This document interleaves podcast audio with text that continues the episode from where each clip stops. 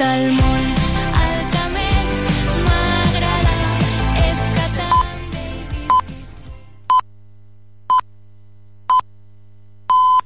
Bon dia, són les 11. Benvinguts al Mercat d'Estiu.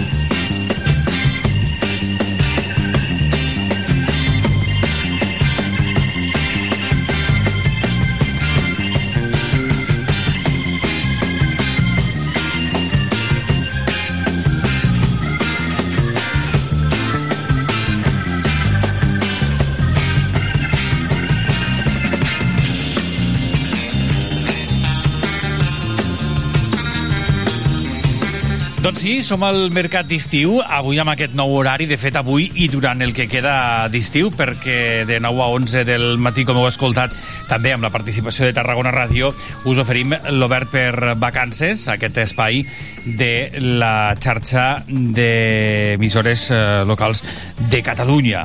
I des d'ara i fins dos quarts d'una del migdia, i més enllà doncs, ja la programació pròpia i original i originària de la nostra emissora de Tarragona Ràdio. De seguida repassarem els continguts d'allò que passarà des d'ara i fins dos quarts d'una i més enllà, perquè després també tenim el tothom, la Fons amb el company Joan Andreu Pérez, els serveis informatius d'aquesta casa que treballen ja també per oferir-vos puntualment les notícies actualitzades a la nostra pàgina web a tarragonaradio.cat. Ho escoltarem tot també als butlletins, a, de, disculpeu, als butlletins no, al Tarragona Actualitat a partir de dos quarts de dues del migdia.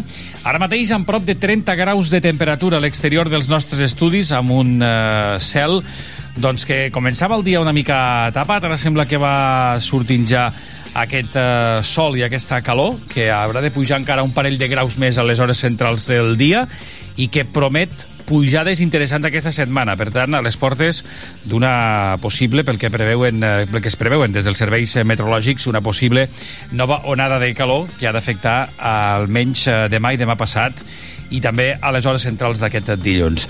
A la part tècnica hi ha Joan Maria Bertran, a la producció Joan Andreu Pérez, Núria Cardanyà i qui us parla, el Miguel González.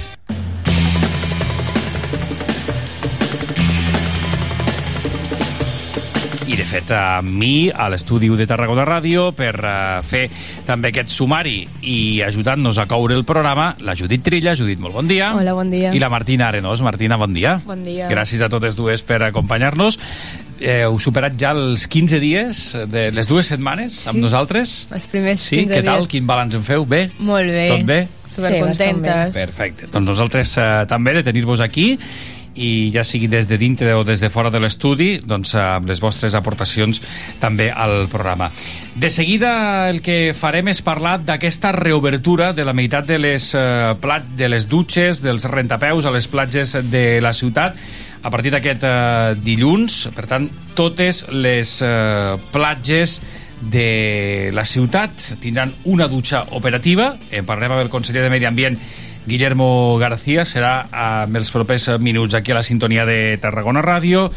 També ens eh, n'anirem a conèixer què ha donat de sí eh, pel que fa a les protestes que aquest matí, que aquest eh, dilluns i no és el primer cop, estan eh, duent a terme les eh, professionals i els eh, professionals de la imatge personal. Eh, em refereixo, doncs, això, eh, mm, professionals que se n'encarreguen de perruqueries, etc etc.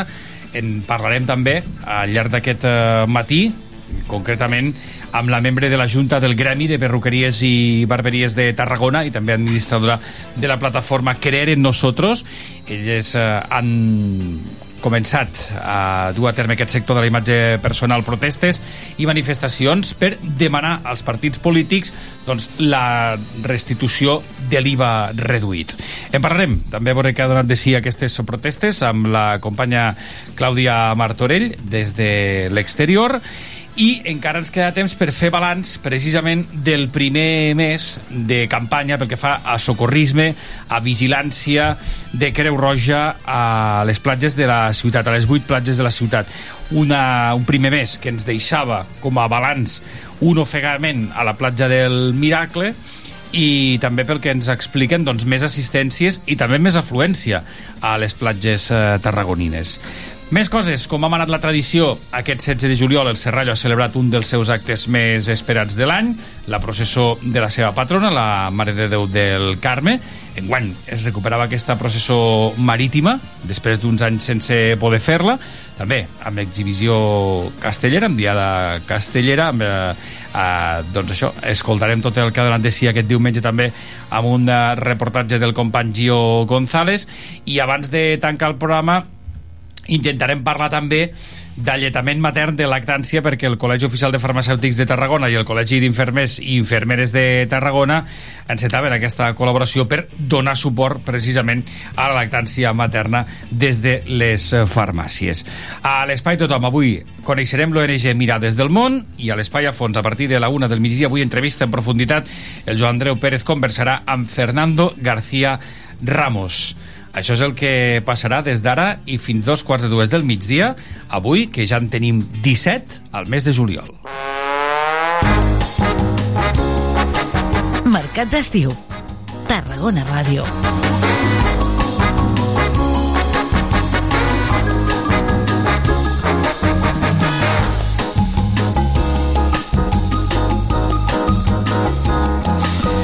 Un 17 de juliol en el que passen coses i ara li podríem posar allò dels dos punts, guionet, tanca parèntesi o, o directament els emojis que ja els apretem damunt del nostre telèfon mòbil i els eh, triem, no? Quin posem? El del gatet eh, enamorat, per exemple? O el de la gota de suor aquesta al front? Sí?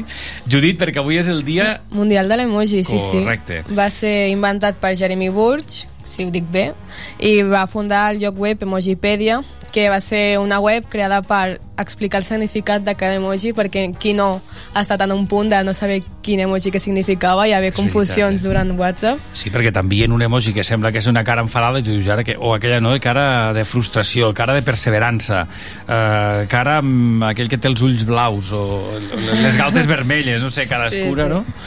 Sí, sí. Què, què, què més en sabem? De... Que- Què diu Burge? Segons ell, va escollir aquest dia per la forma que es mostren aquestes emoticones al calendari dels mòbils d'iPhone. Uh -huh. I un poc més, això. Molt bé. Els emojis que, bé, primer, eren, primer parlàvem d'emoticones, amb, que es feien amb puntuació, amb signes de puntuació, i ara ja parlem dels emoji i fins i tot eh, dels mimoji, no?, que els podem fer amb la nostra pròpia cara. Sí, que, sí, que sí. tenim aquesta... Un avatar. Aquest, aquest avatar, sí. Avui també és el Dia Internacional del Tatuatge. Sí, va sorgir als Estats Units, però actualment s'ha estès durant du- al voltant del món i hi ha nou tipus de tatuatges existents pe, com el black work, que és com tot negre, i els tradicionals que vindrien a ser animals, flors, els típics. Ui. Molt bé. Lletres, no? Sí, Cadascú... El, el, doncs això, la simbologia que, que vulgués. Eh, tenim alguna curiositat sobre els tatuatges? que segons alguns estudis les persones que tenen tatuatges són més extravertides i tenen més personalitat. I una dada curiosa és que qui, ha, si te fas un tatuatge en parella dona mala sort. Ah, sí? Sí, sí. Però és Així igual que- quin sigui, no? És a dir, si... Sí. Allò que hi ha gent que es posa el nom de l'altra persona, per exemple, o així, no, eh? Vull dir, això de posar-nos lletres i coses d'aquestes, no. Pensa-t'ho dues vegades millor, sí. Val, val, doncs mira, uh, bé, mm, intentarem no, no fer-ho. És avui també, canviant de, de tema, el Dia Mundial de la Justícia Internacional. Efectivament, des de 1998, amb motiu de l'aprovació de l'Estatut de Roma per part de 120 països membres de la ONU. I bé, aquest estatut va permetre construir l'Acord Penal Internacional, que és un òrgan judicial permanent encarregat de jutjar els crims del genocidi i crims de guerra. Molt bé. Perfecte. Alguna cosa més? Sí. No, d'aquest tenim dia no. esdeveniments eh, destacats també, coses que van passar tal dia com avui, per exemple, l'any 1955. Què passava un 17 de juliol d'ara fa 70... Ui, ara m'he calculat molt malament. Vaja, del 1955. Bé, sí, sí. Eh, es va obrir només per convidats a Disneyland a Califòrnia. I bé, van ser més de 30.000 convidats que es van presentar per participar en un dels parcs temàtics més grans del món en aquest moment. Doncs això fa 68 anys, per tant veus com m'havia fallat el càlcul, el càlcul mental. No passa res, si nosaltres les mates tampoc... qui, fa, qui fa anys avui? En fa 58? Avui fa anys, eh, 58 anys, com has dit, eh, Santiago Segura, que és actor, guionista i director, i productor també. De tot. Molt bé. Que l'hem conegut per Sí. pel·lícules... Eh, L'hem conegut per produir i actuar en les pel·lícules de Padre No hay más que uno Mhm. i en la sèrie Torrente. amb la saga Torrente de les eh, diferents pel·lícules que si no m'equivoco en té 5 ja 5 diria, no? I, i ara acaba d'estrenar fa pocs dies eh, aquesta Una pel·lícula nova. Vacaciones de verano Sí, no? exacte. Eh, però seguint una mica la línia eh, de, de Padre más que uno que ell és de A Todo Tren que també en va treure un sí. parell Pel·lícula familiar així, Exacte, de nens, amb nens, que passen coses, Sí. comèdia familiar, etc etc. Bé, doncs eh, Santiago Segura que avui, eh, com dèiem, compleix 58, eh, 58 anys. Doncs Judit, Clau, eh, Judit, Martina, moltíssimes gràcies. A tu. A tu. I ens retrobem en una estoneta o, o ja demà. Sí, A exacte. veure què. Moltíssimes gràcies. Avui la música la posem i ens n'anem a èxits eh, que sonaven tal dia com avui, però de fa 33 anys. Ens anem cap a 1990.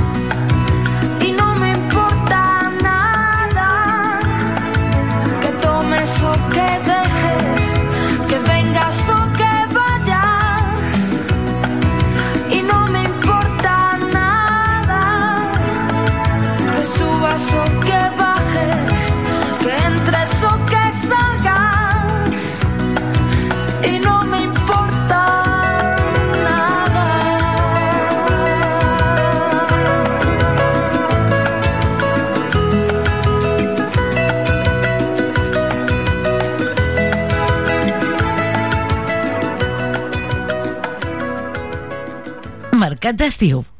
Tarragona Ràdio. Saps què és Ematsa Online?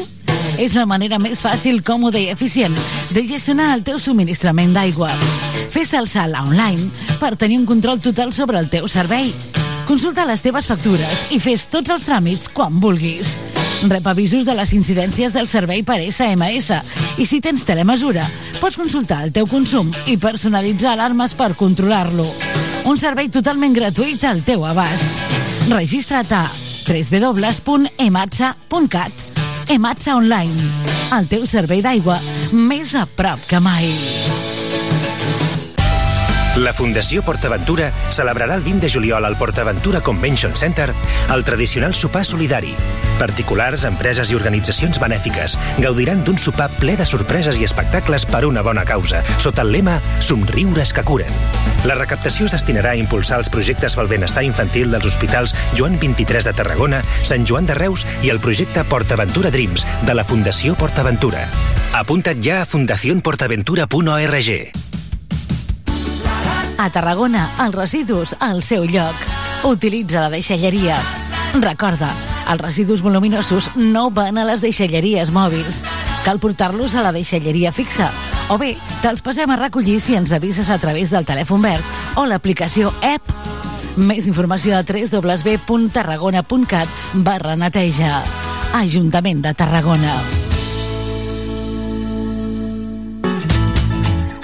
Fans de Tarragona. Amb Sílvia Garcia, de 6 a 7 de la tarda. De dilluns a divendres, una hora per la música de casa. Fans de Tarragona a Tarragona Ràdio.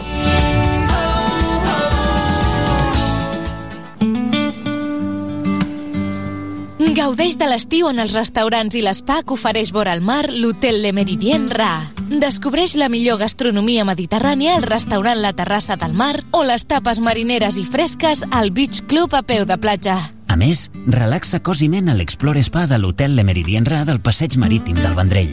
Reserva trucant al 977 69 42 00 i viu l'estiu a l'Hotel Le Meridien Ra. Cocodril Club. Si t'agrada la bona música dels anys 60, 70 i 80, escolta Tarragona Ràdio les tardes de dissabtes i les de diumenges de 4 a 6 és el temps del Cocodril Club. Tot un clàssic de la ràdio, amb les bases del pop-rock, les llegendes, les cançons que s'han convertit en autèntics himnes. Recorda't, a Tarragona Ràdio 96.7 FM... Cocodril Club, el programa revival de l'Albert Malla. Hasta luego, cocodrilo. No pasaste de caimán.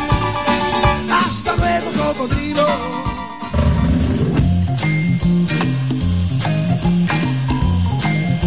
Continguts fresquets del dia i entrevistes quilòmetre zero a Mercat d'Estiu, a Tarragona Ràdio.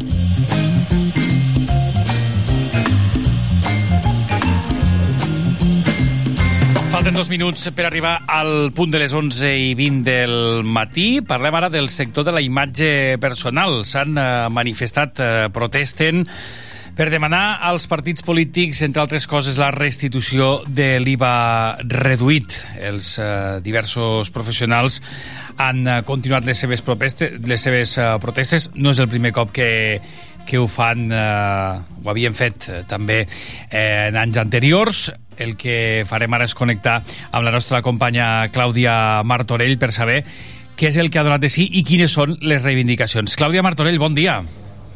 Bon dia. Què és el que ha passat? On, on et trobes? Estem aquí al, amb Pili Arenas, membre de la Junta del Gremi de Perruqueria i Barberia de Tarragona, i ens explicarà una miqueta eh, el tema de per què demanen l'IVA reduït, perquè abans tenien el, el 10% i ara tornen a, al 21%. Bé, li farem un, algunes preguntes. Uh, bon dia, Pili. Bon dia. Um, ens expliques una miqueta quins són els motius de la, de la, propes- de la protesta? Eh, bueno, els motius de la protesta és que nosaltres teníem un IVA mm, com servei essencial, que és el que som, al 8% i a l'any 2012 el van pujar al 21%, de manera temporal. Però aquest temporal portem ja més de 10 anys. Llavors estem fent protestes, manifestacions i tot el que puguem fer per tornar al nostre IVA reduït. Bé, eh, hem vist que ho heu fet coincidir amb les eleccions. Quina és la, la resposta política que espereu? Doncs ara el que o sigui, ara la, lo d'ara és ara votamos nosotros, doncs perquè tothom, els polítics ens diuen que sí, que tenim raó, però continuem amb el mateix IVA. I què, què comporta no tenir aquest IVA reduït? Augmenta el, comporta que augmenteu els preus a la clientela? A veure, això hi ha una mica de confusió perquè la majoria de nosaltres vam assumir aquest IVA. Llavors, qui va pujar aquests 13 punts podrà baixar. Eh, jo no vaig pujar aquests 13 punts, llavors no baixaré els preus. Aquesta protesta, eh, aquesta protesta perdona, és a nivell eh, estatal? Sí, és estatal. S'han anat fent manifestacions o això que fem ara nosaltres aquí de les votacions en diferents ciutats eh, ara per, abans de les eleccions. I hi haurà més mobilitzacions després d'avui? Mm, Des, les, avui se faran les últimes que se fan en quatre ciutats de, de tota Espanya i després esperarem a veure què passa a les eleccions i decidirem què farem. I entenc que no és una protesta, no, no és una reivindicació nova. M'heu dit que va ser a partir del 2012 que us van pujar l'IVA. Sí, van pujar de manera temporal amb altres serveis, els altres han tornat a l'IVA reduït del 10% i nosaltres, el nostre sector, és l'únic que continua amb el 21%. Doncs moltes gràcies, Pili Arenas. Uh, veiem que ara es torna a activar per continuar anunciant la situació econòmica actual i exigir a la classe política la restitució de l'IVA en els seus establiments. Moltes gràcies. Uh, fantàstic, uh, Clàudia. Suposo que, uh, vaja, per, abans d'acabar, eh, també et demano una mica la, la, la imatge que, que veus al teu voltant. Si hi ha persones uh, votant, escenificant aquesta jornada electoral uh, Sí, on, on hi han va, participat no- diferents... Ah, uh, digues, digues. No, no, no, això, que et anava a preguntar si, si, si hi ha doncs, això, persones votant amb aquesta jornada electoral, amb representants de, del col·lectiu de la imatge personal, eh, una mica què és el que, què és el que s'està fent. Sí, uh, ara mateix tenim una taula uh Mhm. -huh. amb una urna, en, bueno, veiem alguns cartells on de, es, es veu el que estan demanant i a uh, diverses persones de, del gremi de, de perruquers i barbers de Tarragona votant, demanant aquest IVA al, al 10%. I ara ens parlarà... Qui ens parla? Qui ens... Javi Torres. Javi Torres. I veurem algunes imatges. Bé, uh, ara, ara procediran a, a fer la votació. Mm -hmm. Gent doncs, que s'apropa eh, amb aquest eh, col·legi electoral improvisat per Sí, és que et sento escenificar... una mica tallat. Sí, sí, per, no, anava a dir que és eh, persones que s'apropen del propi sector Mm. a, amb aquest col·legi electoral improvisat no, per exigir aquesta baixada de, de l'impost. No sé si tenim algú més a qui li puguis fer alguna, alguna pregunta, Clàudia? Ara estan... Ara és que el, el Pere, l'encarregat, ha marxat. Cap problema. Pensava que podíem parlar amb, aquest, amb aquesta persona que ens havies, eh, que ens havia, que, vaja, que havíem anomenat, però si no, no et preocupis, ho deixarem aquí perquè entenc que, que també la jornada doncs, es va es va succeint i es van produint les, aquestes votacions. Digues, digues. Mira, uh, potser podem parlar amb Javi Torres. Sí? Puc parlar? Vostè és Javi Torres, és Sí, veritat? Me sí. pot explicar una miqueta què és el que, què és el que ens dirà ara aquí al... Bueno, eh, ahora haremos un manifiesto, digamos, siempre lo, lo leemos en todas las concentraciones. Hoy, en este caso, en este día, eh, día 17 de julio, hay como este acto, eh, hay cuatro actos más en España, en Lugo, en, en Zaragoza, en Barcelona y aquí en Tarragona, y aparte hay tres concentraciones a nivel nacional, una en Madrid, eh, otra en Gijón y otra en Bilbao. Bien, con estos actos eh, cerramos una campaña en la cual eh, el lema ha sido ahora votamos nosotros, ¿no? A las puertas de elecciones y eso, ¿no? Y con eso queremos dar un poco pie, dar, dar un poquito de apoyo a los partidos que realmente se han mojado eh, y están a favor de la restitución de, de nuestro IVA, ¿no? El sector de la imagen personal no está en contra de ningún partido político, ¿no? Nos han querido catalogar de unos o de otros y en este caso no es así. Estamos en contra de una decisión, de una decisión que es la negativa a la restitución del IVA, ya sea por parte del PSOE, del Partido Popular, de Vox o de quien sea. En este caso hemos estado cuatro años luchando con el partido, mm, con el PSOE, para que nos atendiese nuestras quejas y eso, eh, y bueno, no, ha habido manera, ¿no? Entonces, eh, incluso ha habido dos recursos en el Tribunal Constitucional que están, eh, están mm, tramitados, por así decirlo, denuncias, porque el sector de la imagen personal ha sufrido el único veto que hay en la democracia de este país en los últimos años que se conoce, ¿no? Ante una votación en el Senado que salió aprobada por parte de todos los partidos y la ministra, en ese caso, la señora Job, eh, digamos, pues eh, em, la, la, mm, no, no dejó que esa votación fuese efectiva, ¿no? Es decir, la, la vetó, ¿no? Es el primer veto de la democracia, ¿no?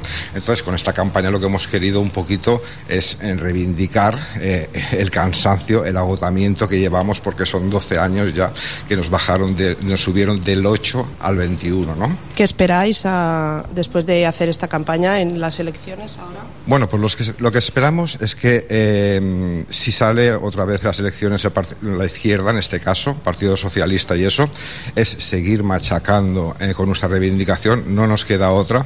Y si sale la oposición, porque en este país siempre te ayuda o siempre te apoya la oposición, sea quien sea, ¿no?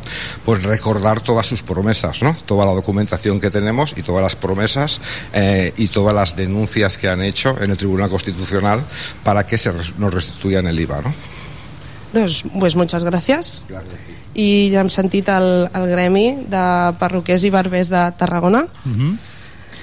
Molt bé, doncs aquesta és la postura, la posició, el posicionament eh, des d'aquesta acció que s'ha dut a terme aquí a la Rambla Nova de Tarragona. Clàudia, alguna cosa més? Ja, doncs ja ho tindríem. Molt bé, A doncs veure com va la votació. Exacte, a veure Moltes com va la, gràcies. la votació i a veure si entreu en l'entrellat eh, i es fan escoltar també exigint aquesta baixada de l'impost, de l'IVA, coincidint amb aquesta amb aquesta campanya electoral de les eleccions del 23 de juliol. Clàudia Martorell, moltíssimes gràcies. Moltes gràcies.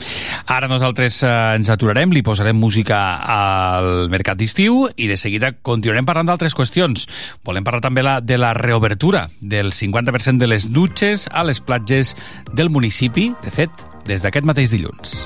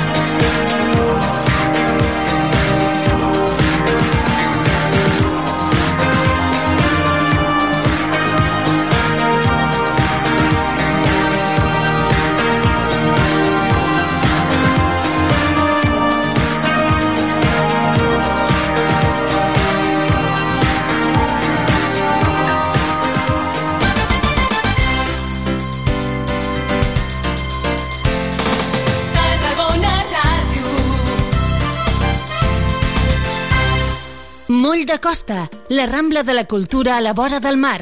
Vine i passeja per l'eix de la cultura, del lleure i de l'esport al Port de Tarragona. Hi trobaràs museus, exposicions, teatre, activitats, espais per passejar i fer esport. Completa la teva visita amb un tas de la gastronomia marinera del Serrallo. Més informació a porttarragona.cat. Una alimentació sana, exercici físic i una bona assegurança mèdica. A MGC Mútua millorem cobertures i serveis per oferir la millor assegurança mèdica segons els professionals de la salut. MGC Mútua. Inverteix en salut.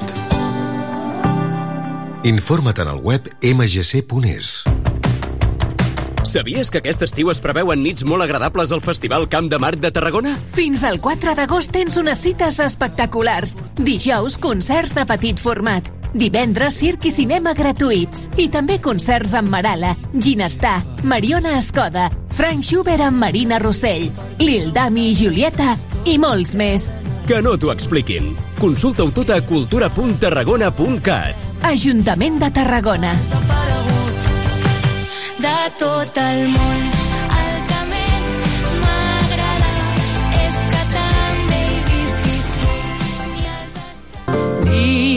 El Gaudeix d'un vespre musical sota les estrelles amb Marina Rossell en format sinfònic, acompanyada per la Frank Schubert Filharmonia. Un concert on repassarem les seves cançons més estimades i emblemàtiques el dissabte 22 de juliol al Camp de Marc de Tarragona. Entrades a la venda a entrades.tarragona.cat i franzschubertfil.com. Saps què és Ematsa Online? És la manera més fàcil, còmoda i eficient de gestionar el teu subministrament d'aigua. Fes el salt online per tenir un control total sobre el teu servei. Consulta les teves factures i fes tots els tràmits quan vulguis. Rep avisos de les incidències del servei per SMS i si tens telemesura, pots consultar el teu consum i personalitzar alarmes per controlar-lo. Un servei totalment gratuït al teu abast. Registra't a www.ematsa.cat Ematsa Online, el teu servei d'aigua més a prop que mai. La Fundació PortAventura celebrarà el 20 de juliol al PortAventura Convention Center el tradicional sopar solidari. Particulars, empreses i organitzacions benèfiques gaudiran d'un sopar ple de sorpreses i espectacles per una bona causa, sota el lema Somriures que curen. La recaptació es destinarà a impulsar els projectes pel benestar infantil dels hospitals Joan 23 de Tarragona, Sant Joan de Reus i el projecte PortAventura Dreams de la Fundació PortAventura. Apunta't ja a fundacionportaventura.org. A Tarragona, els residus al seu lloc. Utilitza la deixalleria. Recorda, els residus voluminosos no van a les deixalleries mòbils. Cal portar-los a la deixalleria fixa. O bé, te'ls passem a recollir si ens avises a través del telèfon verd o l'aplicació app. Més informació a www.tarragona.cat barra neteja. Ajuntament de Tarragona.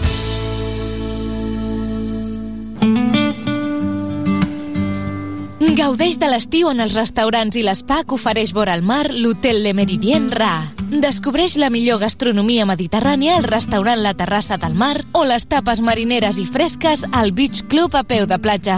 A més, relaxa cos i ment a l'Explore Spa de l'Hotel Le Meridien Ra del Passeig Marítim del Vendrell.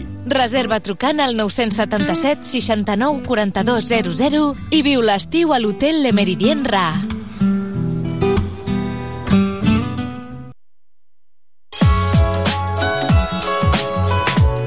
Mercat d'estiu. Tarragona Ràdio.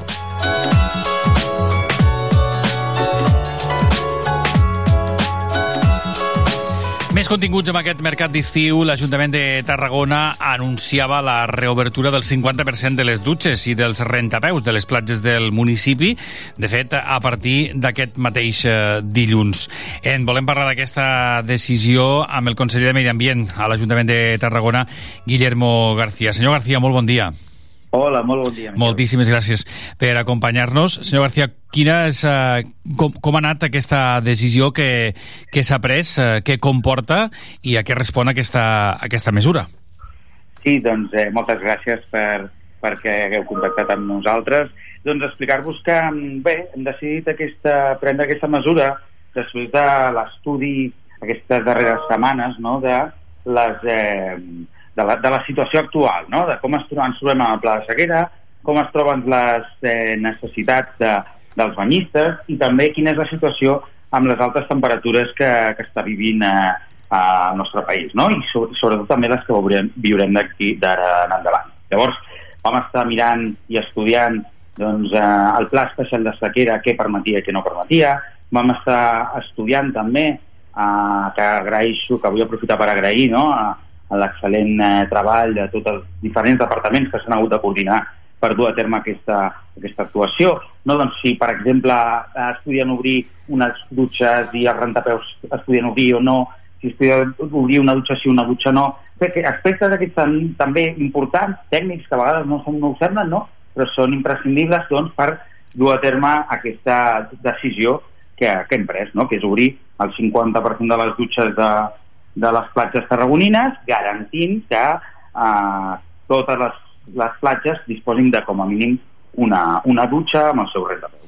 Entenc que això és el que, el que permet, el que marca no, aquestes directrius del pla de sequera del qual parlava i, i que s'ha seguit doncs, per, per dur a terme aquesta mesura després potser de les eh, pluges d'ara fa algunes setmanes que van millorar la situació i a les portes d'una setmana on s'espera precisament una nova onada de calor, és a dir, que el que es busca, entenc, senyor García, és aquest equilibri, no? Totalment. Eh, I ara aprofito per eh, recordar que tot i que la situació eh, hem fet els deures, no? tant la ciutadania com les institucions hem fet els deures i s'està estalviant aigua, hem de continuar així. És cert que la situació s'ha lleugerit una mica, però això no pot servir perquè ens, eh, una posició més conformista, no? Eh, ha de servir per prendre consciència i continuar doncs, eh, prenent les mesures necessàries per fer un bon ús de l'aigua i evitar el seu malbaratament, no? Però sí que és cert que, com s'han fet els deures i com eh, doncs, també hi ha serveis que, que cal, bueno, el, el benestar dels banyistes, doncs, els nens petits que sí, eh, pot ocasionar alguna, algun tipus de, d'inconvenient, no? Que, que no hi hagi aquestes dutxes, doncs, bueno, amb aquesta corresponsabilitat de, de les situacions, no? doncs eh, s'ha pres eh, aquesta, aquesta, situa aquesta mesura. Ara es garanteix, com deia, com a mínim que totes les platges disposin d'una dutxa operativa. No sé si havien rebut, eh, senyor García, mm, doncs, eh, demandes, eh, alguna, alguna queixa, algun comentari per part de la ciutadania que, que a vegades doncs, acostumats a sempre tenir eh, disponibles o haver tingut durant, eh, durant també força anys disponibles aquestes dutxes, tret d'episodis similars a, al d'ara, doncs a vegades potser costa d'entendre no? el, el, el tancament d'aquestes aquestes dutxes, quin retorn els arribava de la ciutadania?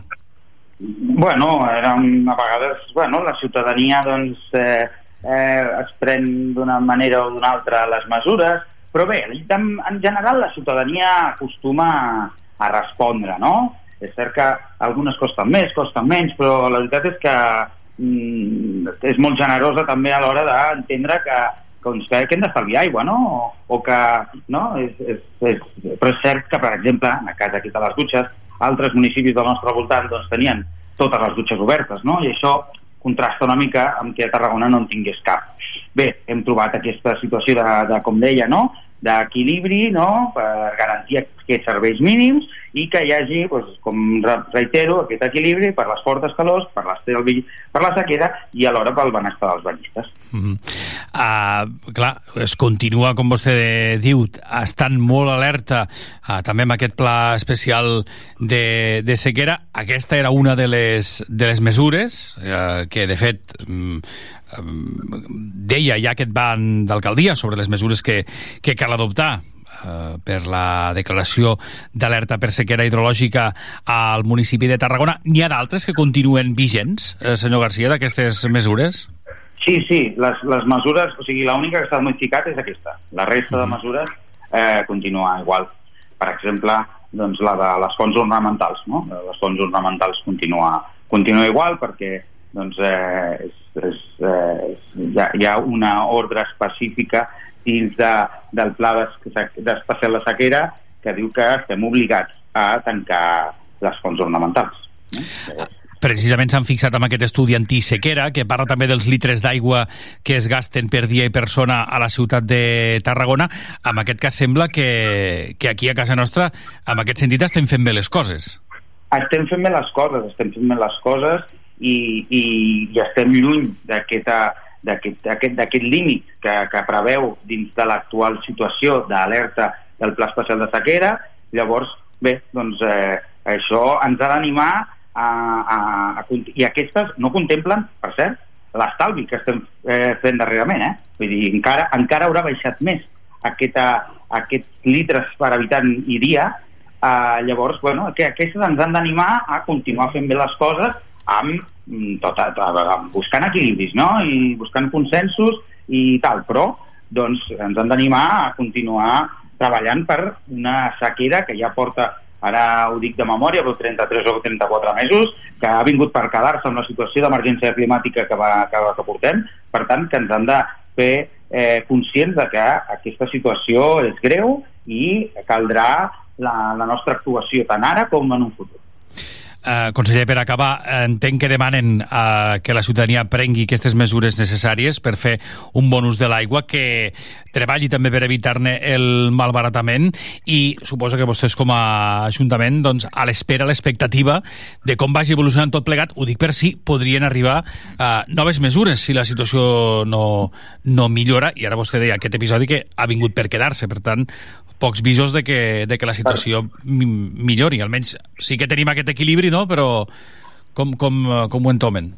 Per suposat, per suposat, aquesta, eh, aquesta, aquesta mesura és una mesura, de, com dèiem, de corresponsabilitat. Va, eh, eh, la fem, però sabem que podria ser que d'aquí un temps doncs, eh, l'haguéssim de retirar.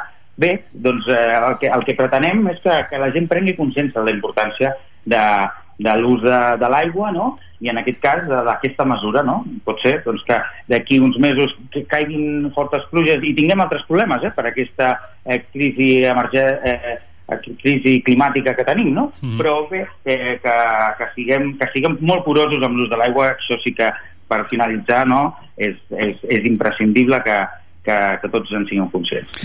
aquesta reobertura del 50% de les dutxes i rentapeus a les platges del municipi, que entenc que ja s'ha dut a terme. És a dir, ara mateix ja funcionen a, a cada platja, no?, almenys ja aquesta dutxa operativa a hores d'ara. Sí, sí, sí, així és. Molt bé. Doncs uh, Guillermo García, conseller de Medi Ambient de l'Ajuntament de Tarragona, moltíssimes gràcies per atendre'ns. Doncs moltíssimes gràcies a vosaltres i, i fins aviat. Que vagi molt bé. Fins aviat. Vinga, adéu, vagi bé.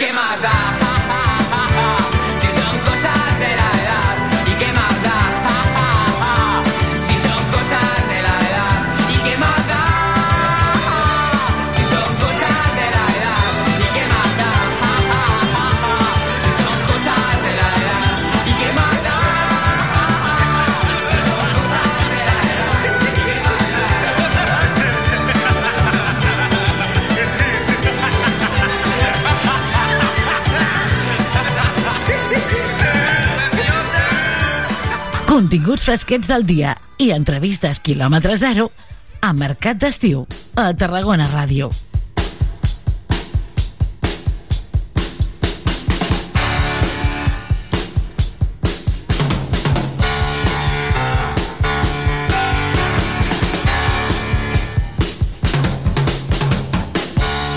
Doncs volem fer ja un dels primers balanços d'aquesta campanya de platges pel que fa al servei de socorrisme. Uh, també doncs, Creu Roja s'encarrega d'aquest servei a les costes de la ciutat de Tarragona.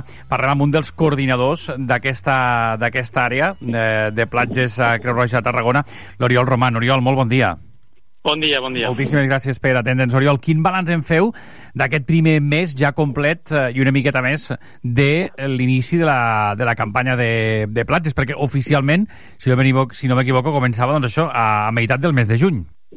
Sí, sí, sí, efectivament, a meitat del mes de juny. Quin balanç I, en bueno, feu? Com ha anat? Sí, de moment fem un balanç positiu pel que fa a la prevenció i la feina que estem fent, val? però encara que no sembli, o, o encara que no es demostrin resultats. La veritat és que estem tenint un mar força agitat, que fins fa, bueno, fins l'any passat o l'altre teníem un mar doncs, més plàcid, més, més calmat, i no, potser no teníem tanta feina en el que era coses d'aigua, no? Sí que a la sorra teníem cosetes, igual que aquest any, però sí que és veritat que a l'haver el mar amb més força, doncs aquest any hem, hem incrementat uh, les entrades a l'aigua. Sí. Uh, l'inici de la temporada comparativament amb anys, amb anys anteriors, almenys per les xifres a nivell de, de tota la demarcació no és massa positiu, ja tenim diverses persones, diversos uh, ofegaments, algun també a les platges de la ciutat, Oriol. Sí, sí, sí, nosaltres hem tingut un ofegament a la platja del Miracle, uh, bueno, una persona que no va fer cas de les indicacions, es va banyar amb bandera vermella, i, i ja està, sí, sí. Uh, S'ha hagut de lamentar algun incident uh, de, de característiques similars a aquest estiu amb aquesta primera amb aquesta primera amb aquest primer mes de, de campanya o, o aquest ha estat el més greu, aquest ofegament a la platja del Miracle? Aquest ha estat el més greu. Aquí a les platges que nosaltres cobrim, a la demarcació de Tarragona, aquest ha estat el més greu, vull dir, amb el tràgic final de la mort. Però sí que és veritat que hem tingut altres incidents, com poden ser doncs, persones que sí que han passat una miqueta d'aigua i tal, que necessiten assistència sanitària, però, però no, amb aquest, amb aquest final només aquest. Mm -hmm.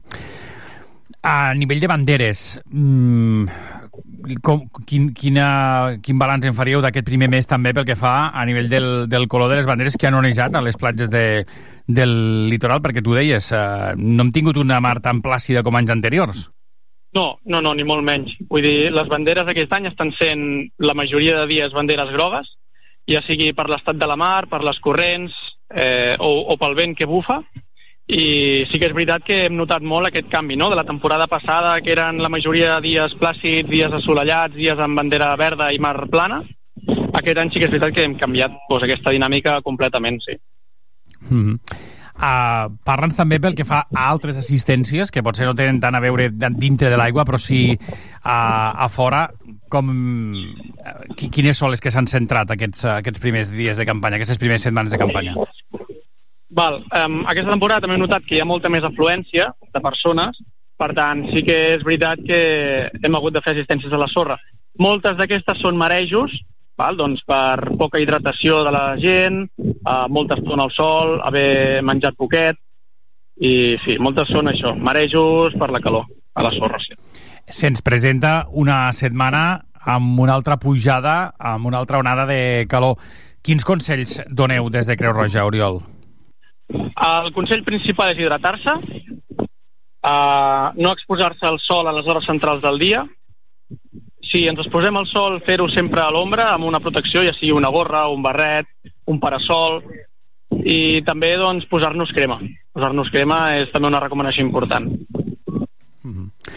Um, et pregunto també de cara doncs, a altres uh, qüestions que algun, a, altres anys havien afectat també a les nostres platges, com pugui ser el fet de saltar des de les roques. Heu detectat enguany algun, uh, algun cas d'aquest uh, tipus?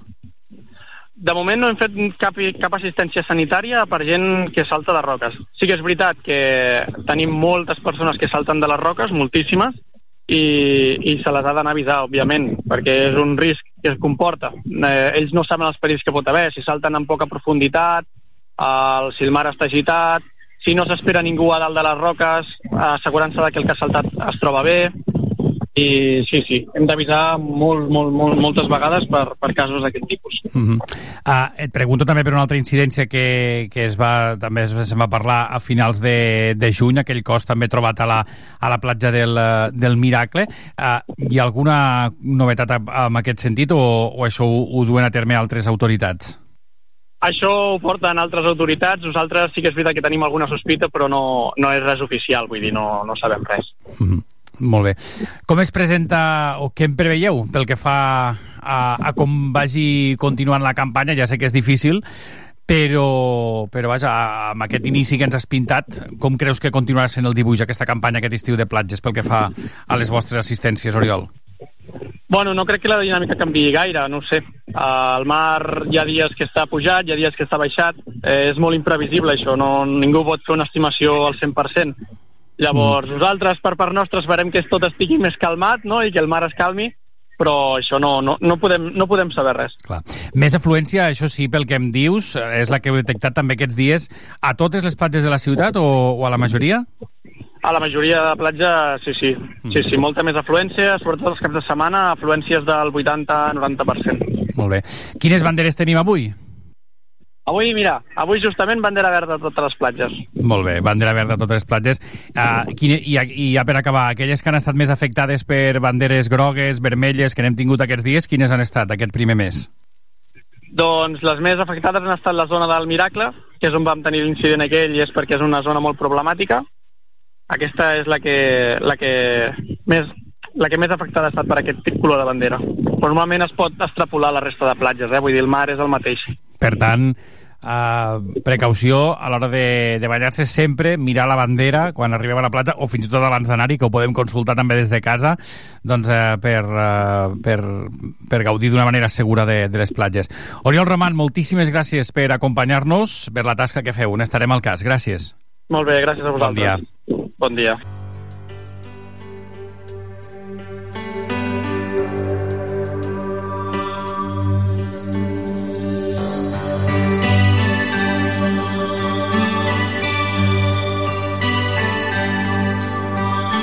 Bastasen un par de canciones para que desde el cielo nos llovieran antiguos amores que una noche se fueron, puede pasar,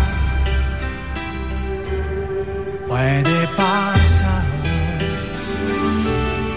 Hasta el desierto se puede llenar con el agua del mar. Si bastasen dos simples canciones para unirnos a todos, yo podría cantarlas tan fuerte que me oyeran los sordos. Puede ocurrir, puede ocurrir. Hasta los muros que nunca pensamos se pueden abrir. Si bastasen dos buenas canciones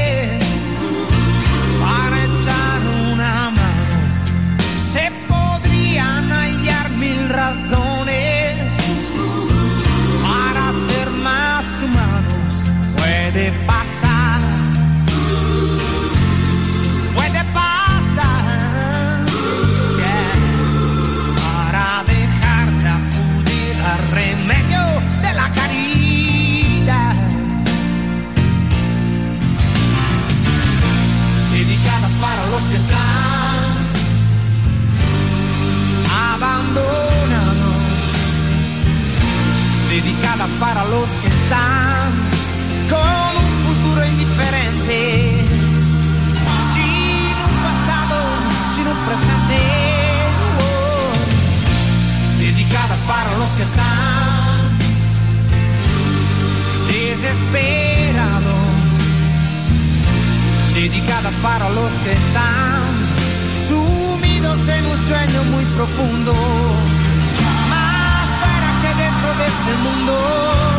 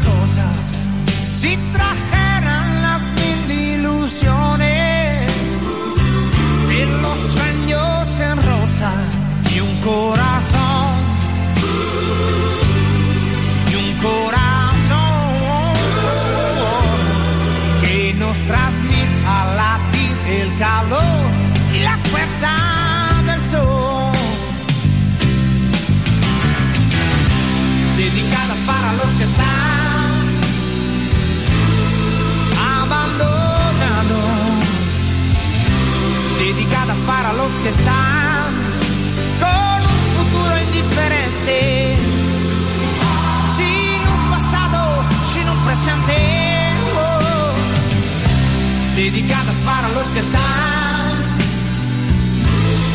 desesperados,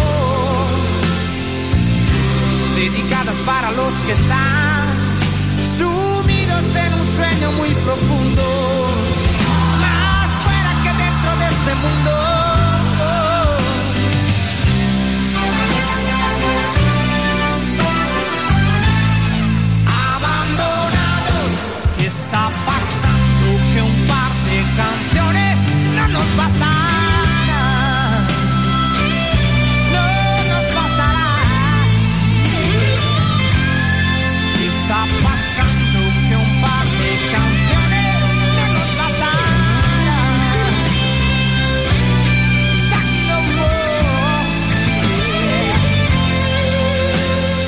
Eros Ramazzotti que ens cantava en castellà aquest Si bastas en un par de canciones. Això sonava l'any 1990.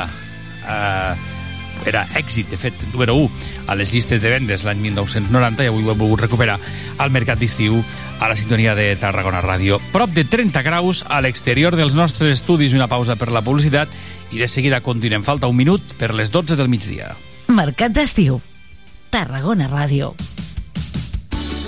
A Tarragona, els residus al seu lloc. Utilitza la deixalleria. Recorda, els residus voluminosos no van a les deixalleries mòbils. Cal portar-los a la deixalleria fixa. O bé, te'ls passem a recollir si ens avises a través del telèfon verd o l'aplicació app. Més informació a www.tarragona.cat barra neteja. Ajuntament de Tarragona.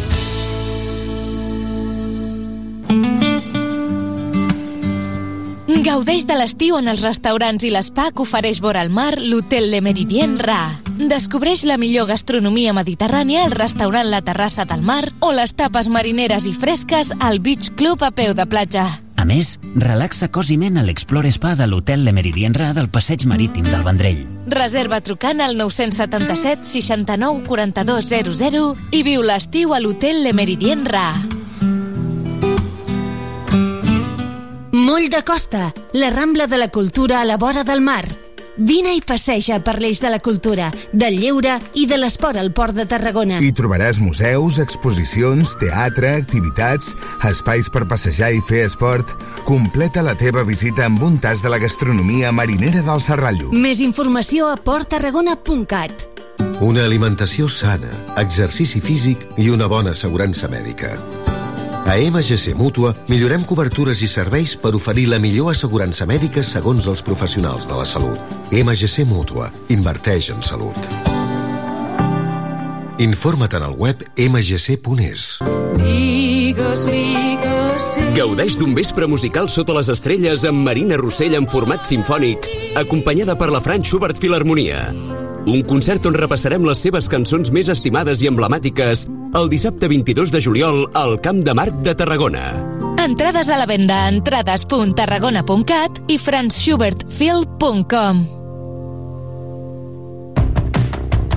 Sabies que aquest estiu es preveuen nits molt agradables al Festival Camp de Marc de Tarragona? Fins al 4 d'agost tens unes cites espectaculars. Dijous, concerts de petit format. Divendres, circ i cinema gratuïts. I també concerts amb Marala, Ginestar, Mariona Escoda, Frank Schubert amb Marina Rossell, Lil Dami i Julieta i molts més.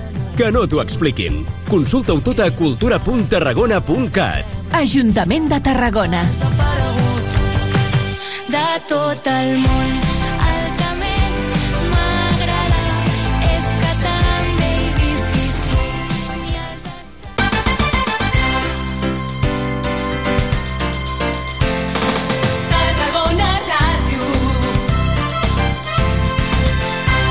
12 del migdia i de seguida dos minuts.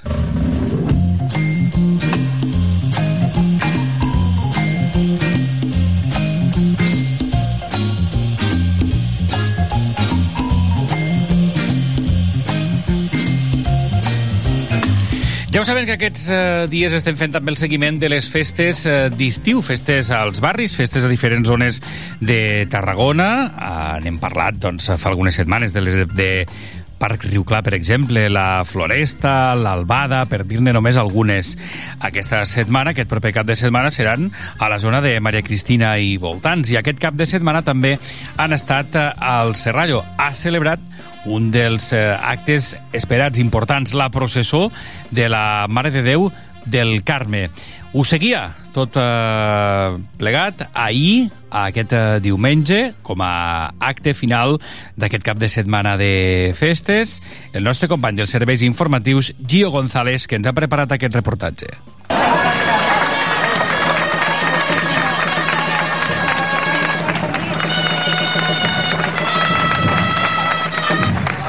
Com mana la tradició, cada 16 de juliol el Serrallo celebra un dels seus actes més esperats de l'any, la processó de la seva patrona, la Mare de Déu del Carme, que enguany recuperava la processó marítima per les aigües del port després d'uns anys sense poder fer-la i va recórrer també els diferents carrers del barri.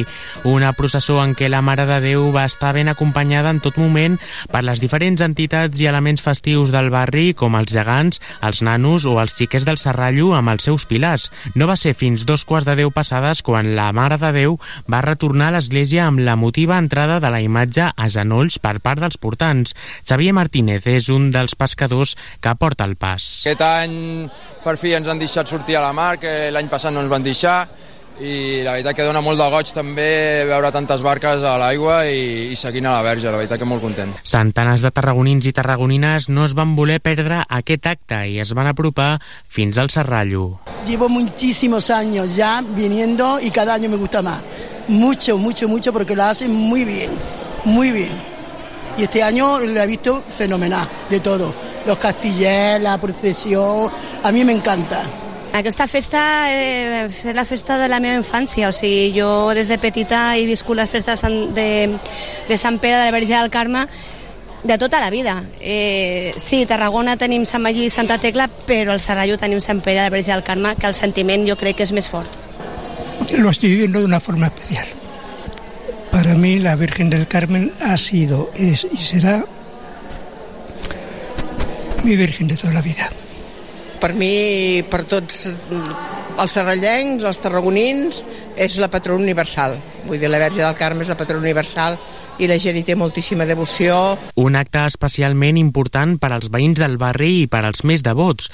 Alguns d'ells recorden certes tradicions relacionades a la festa. Hi ha una cosa que és una tradició que jo, per exemple, des de... Jo, bueno, jo i molta gent de la meva edat, el dia de la Verge del Carme no pots anar a la platja, no et pots Ah, sí, banyar. no et pots o sigui, la meva àvia sempre ens tenia prohibit i fins l'endemà de la Verge del Carme no podies banyar-te a la platja, Sí. al mar.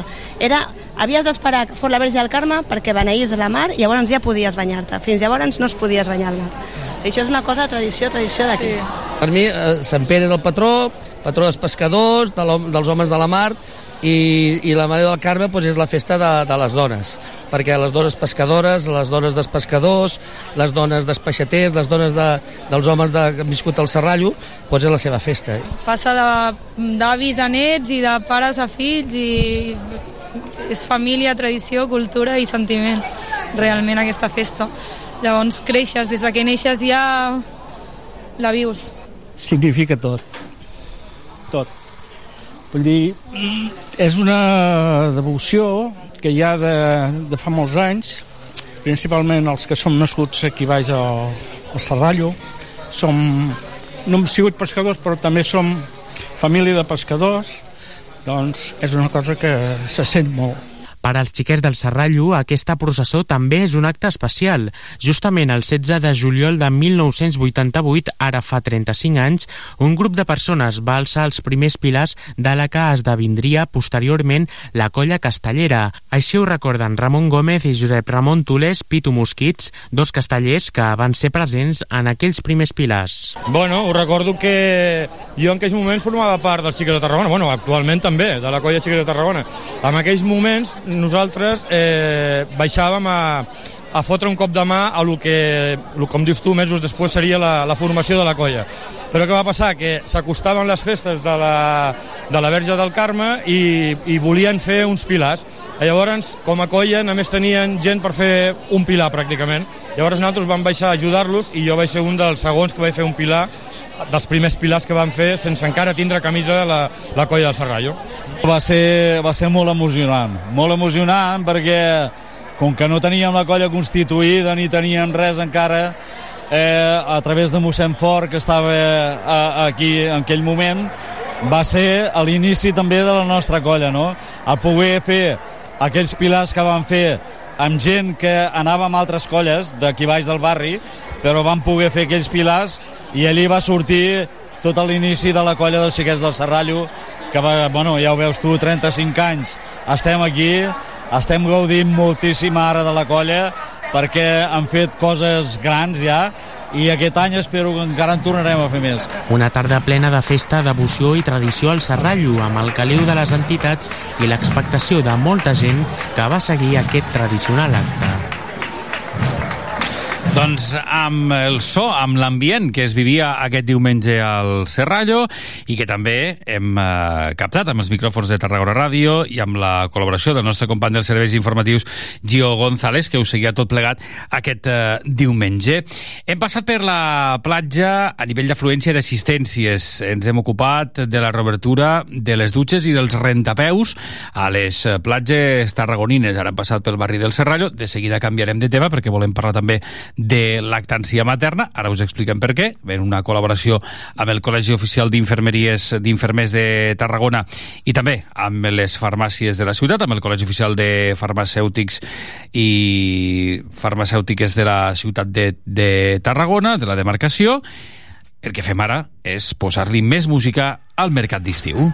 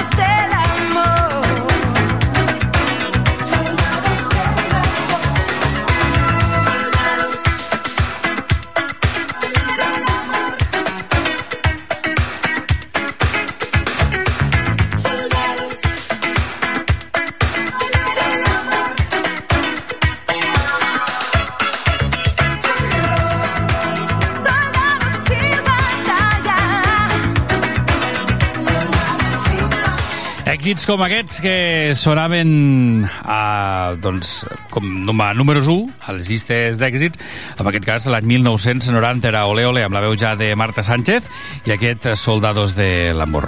Més qüestions al Mercat d'Estiu, a la sintonia de Tarragona Ràdio, les abordem tot seguit.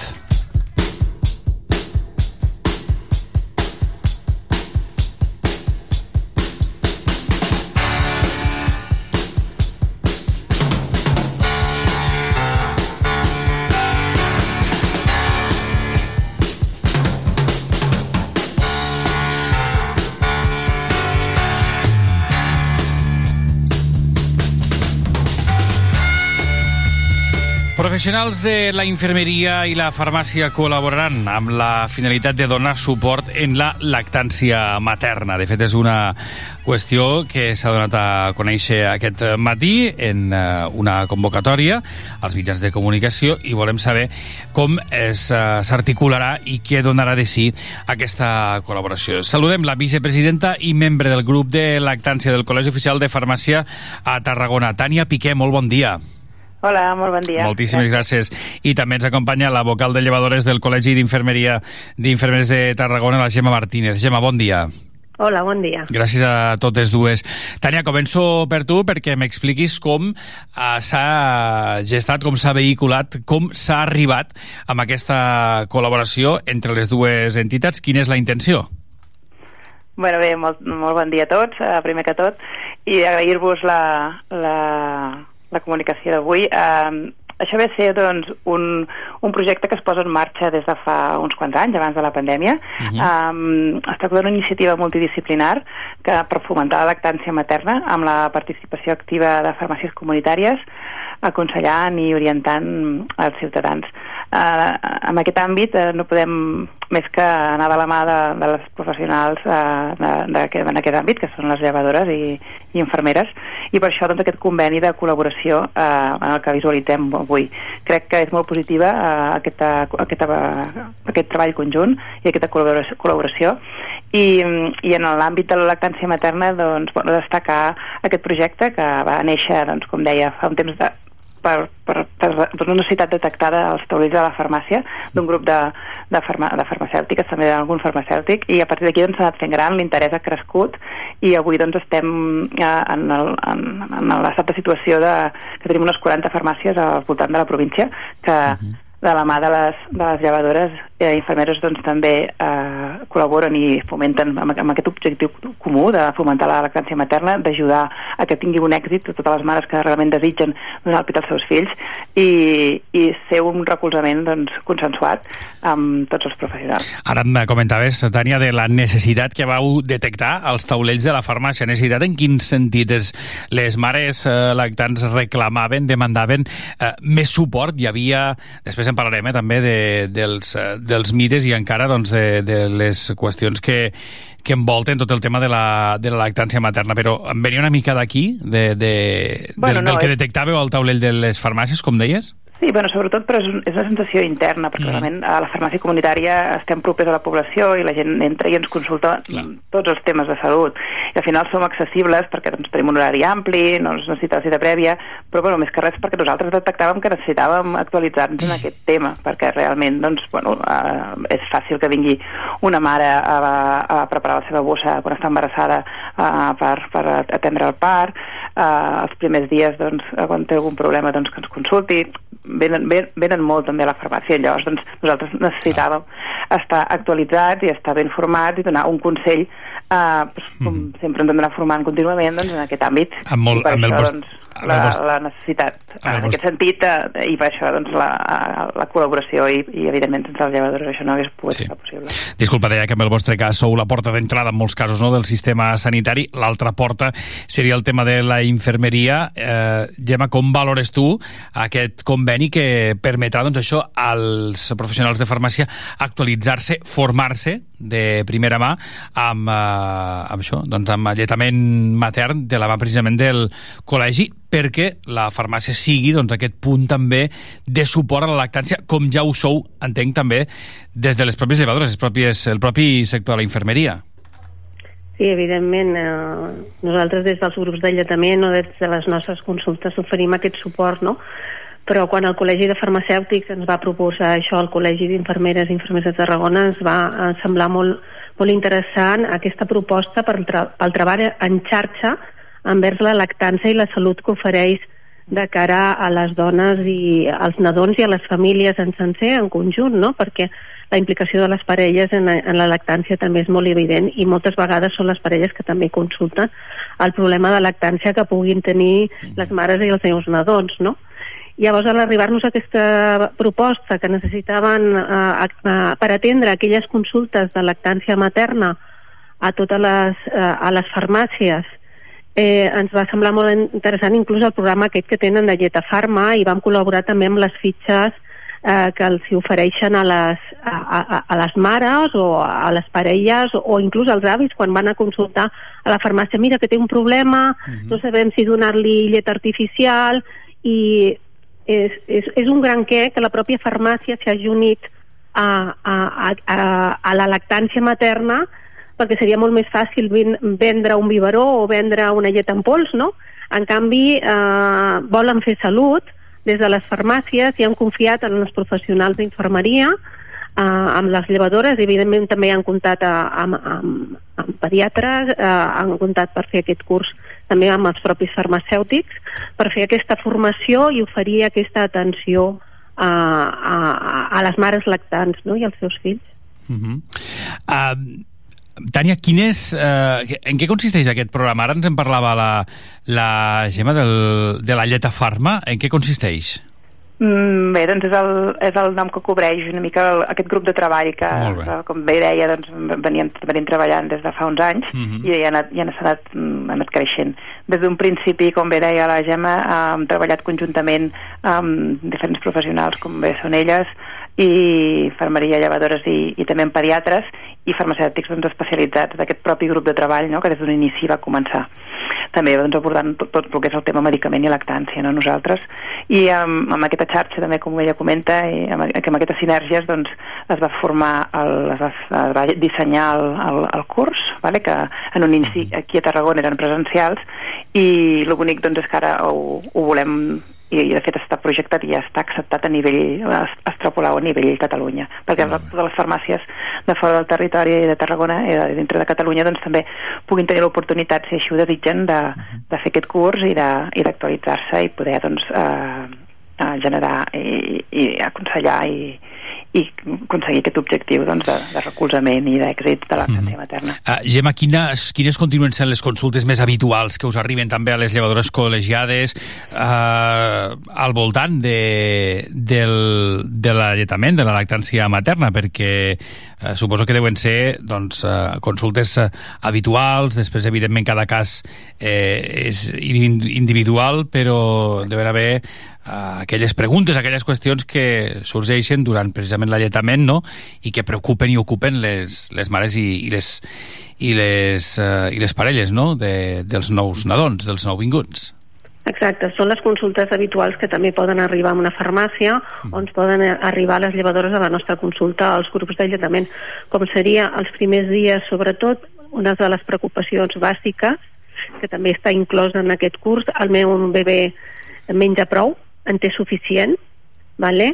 com puc saber que el meu bebè s'engreixa sense pesar-lo, eh, tinc dolor al donar de lactar, això és normal, ja avanço que això no és normal i que se necessita un suport i una revisió de la postura del bebè al nadó i una revisió integral, per exemple, a la, a la postura d'agafar-se al nadó i com té la boca i la mandíbula, que això ja ho faria el, el professional de, de, de la salut. Altres qüestions com es trec la llet perquè tinc que anar a treballar, com puc muntar els meus horaris, eh, és normal en un brot de creixement que el bebè em, dongui, eh, em demani més per lactar, bueno, aquestes i diverses consultes, però una de les més freqüents és que té dolor o em plora molt a la nit sí. i és de gana o no és de gana, no? Clar. Ah, suposo, suposo que no mm, seran exactament les mateixes, Tània, que es reben també a les eh, farmàcies comunitàries, no? O semblants. Sí, correcte. Uh, hem de ser moltes d'aquestes, sobretot això del començament els primers dies, l'atenció, no? Els primers dies, que si em puja suficient la llet, que si em fa mal i tinc alguna... Uh, tinc clivelles, que si realment puja o no de pes. A nosaltres també ens consulten molt, uh, evidentment, si puc prendre aquest medicament o no, perquè uh, uh, abordant, doncs, si sent especialistes amb el medicament, doncs, també ho, ho consulten molt. I, de fet, doncs, tenim tota una sèrie de fitxes en, en les que hem recollit aquestes, aquests casos, aquestes consultes més habituals i, i, i llavors nosaltres, a, a part de quan atenem amb una, amb una consulta a la farmàcia, doncs poden marxar amb aquestes fitxes, que és un material doncs, escrit de suport que concreta doncs, cada problema i pot marxar la, la pacient amb, aquesta, amb aquest suport um, per escrit, que les hem dissenyat i les hem fet des del Col·legi de Farmacèutics juntament també amb, amb les llevadores i, les, i consensuades, evidentment, amb elles. Serien com aquestes uh, fax, mm -hmm. no? aquestes preguntes freqüents uh, Exacte, i respostes freqüents perquè, perquè així puguem ajudar a, a les persones que, que s'acosten I, i després també entenc que derivar-les amb els casos que sigui, que sigui necessari als professionals que s'encarreguen no, de, d'aquesta Aquí qüestió. a la farmàcia al final fem una feina de prevenció i de Mhm. cribatge i, de, i solucionem problemes eh, que podem solucionar i realment doncs, eh, hem de tenir la capacitat de, de quan aquest, aquest problema o aquest, aquest necessita, necessita un, un seguiment i una atenció més específica i més complicada, eh, doncs llavors s'ha de derivar al especialista en concret, sigui el, el pediatre, sigui el metge, sigui la llevadora, fermera. Per tant, amb això totalment eh, d'acord i, i eh, així ha de ser doncs, per fer xarxa i, i resoldre el problema. Evidentment, eh, Gemma, que als centres de referència també aquí a casa nostra ja es rep un suport directe també de, de les llevadores abans, eh, durant i, i després no, de, del moment de l'arribada del nadó. Evidentment, ja comencen els cursos de preparació al naixement, que ja se'ls dona la informació, igualment que a les consultes de llevadora, al postpare a les visites amb la llevadora o a les consultes de pediatria amb les infermeres de pediatria o amb el pediatre. I el que és molt important, que totes les dones saben que tenen molt a prop un grup de, de suport a l'alletament matern on poden consultar i, i es vol, poden donar suports entre elles i que sempre hi ha un professional allà que està assessorant-les i, i, i donant resposta a aquelles necessitats que tenen en aquest moment. I per això des de les farmàcies cada farmàcia eh, sap, eh, eh, estarà, buscarà informació arrel d'aquest curs també de que, quins grups de suport té al voltant perquè pugui fer aquesta derivació o quins professionals té.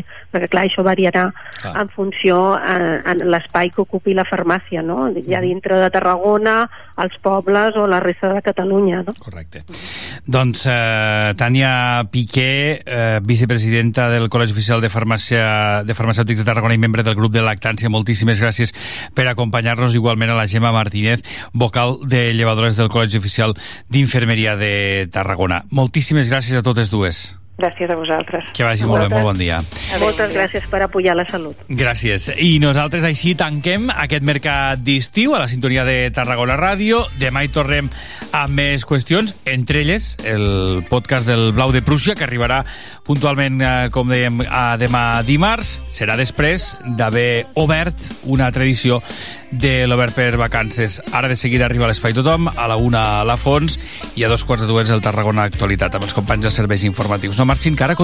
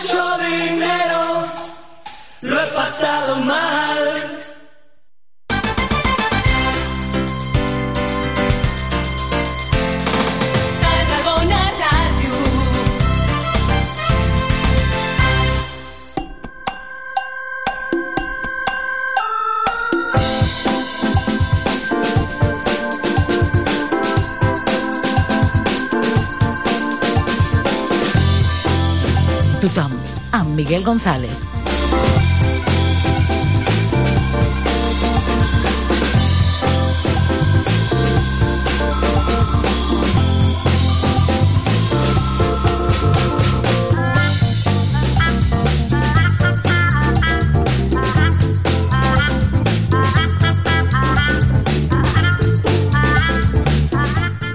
Bon dia, benvinguts, benvingudes a una nova edició de l'Espai Tothom a la sintonia de Tarragona Ràdio. Avui la número 725 amb aquesta 14a temporada del programa.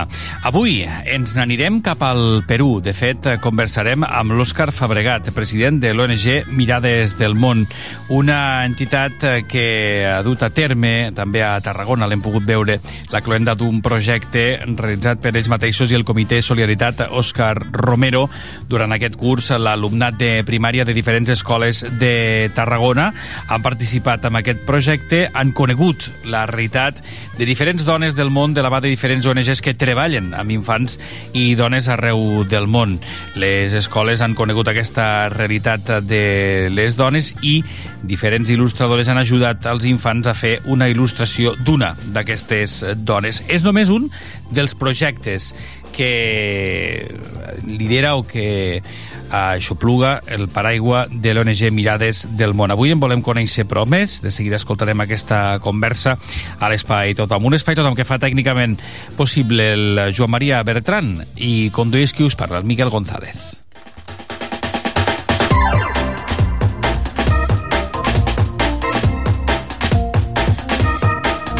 Connecta amb el tothom.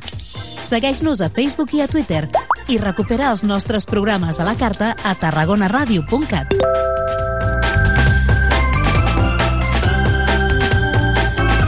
I a la sintonia de Tarragona Ràdio és moment ara de saludar l'Òscar Fabregat, és un dels membres de l'ONG Mirades del Món, aquesta ONG que promou projectes de cooperació i educació per al desenvolupament en l'àmbit social i educatiu. Òscar, eh, molt bon dia, moltíssimes gràcies per acompanyar-nos. Molt bon dia i moltes gràcies a vosaltres per donar-nos aquesta oportunitat de fer altaveu i de, i de no? compartir amb la resta dels oients pues, els projectes d'educació pel desenvolupament que fem des de la nostra ONG. Bon dia per nosaltres, no sé si per tu, perquè evidentment els oients ho hauran notat ja que la conversa és a, trave, a través de, de mitjans telemàtics, en aquest cas perquè, perquè tenim força lluny, Òscar. Doncs just ara estem al Perú fent un projecte també d'art amb, els, amb els nens d'un a un poblet que es diu La Mai amb la finalitat de a través de l'art i les emocions no?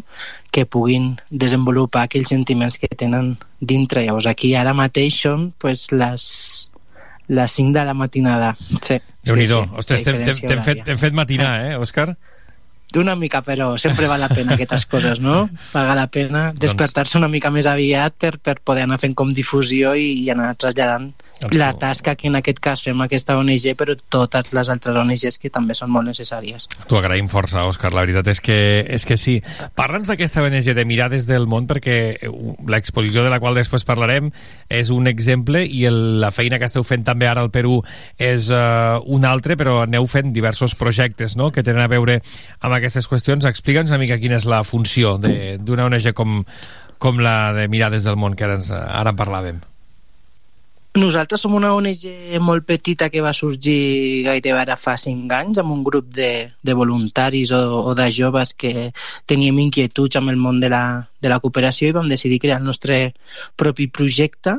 És molt petita i llavors el que estem que és com una arma de doble filo no? perquè per una banda fem els nostres projectes però com són tan petits hem de vincular-nos amb, amb altres ONGs i això és molt bonic perquè al final el que fas és crear teixit amb, amb altres ONGs la nostra ONG, diguéssim que té tres bra- branques, no? La primera branca és l'educació pel desenvolupament, que el que fem són tot tasques de, de, de sensibilització als nens i les nenes a, a Catalunya, no? sobretot al Camp de Tarragona, més Reus i Tarragona i, i Cambrils. No? La segona part, que és el que estem desenvolupant, ara són projectes de cooperació internacional, que és com, com t'estava dient abans, no tenim cap projecte gran fixe, sinó el que fem és anem treballant amb diferents ONGs. No? Hem estat a Tanzània, ara hem estat a Perú, també hem treballat a Nepal, llavors ens vinculem amb altres ONGs que tenen ja els seus projectes establerts i nosaltres els oferim pues, el que nosaltres eh, fem, no? que és tot a través de l'art, treballar el tema de les emocions,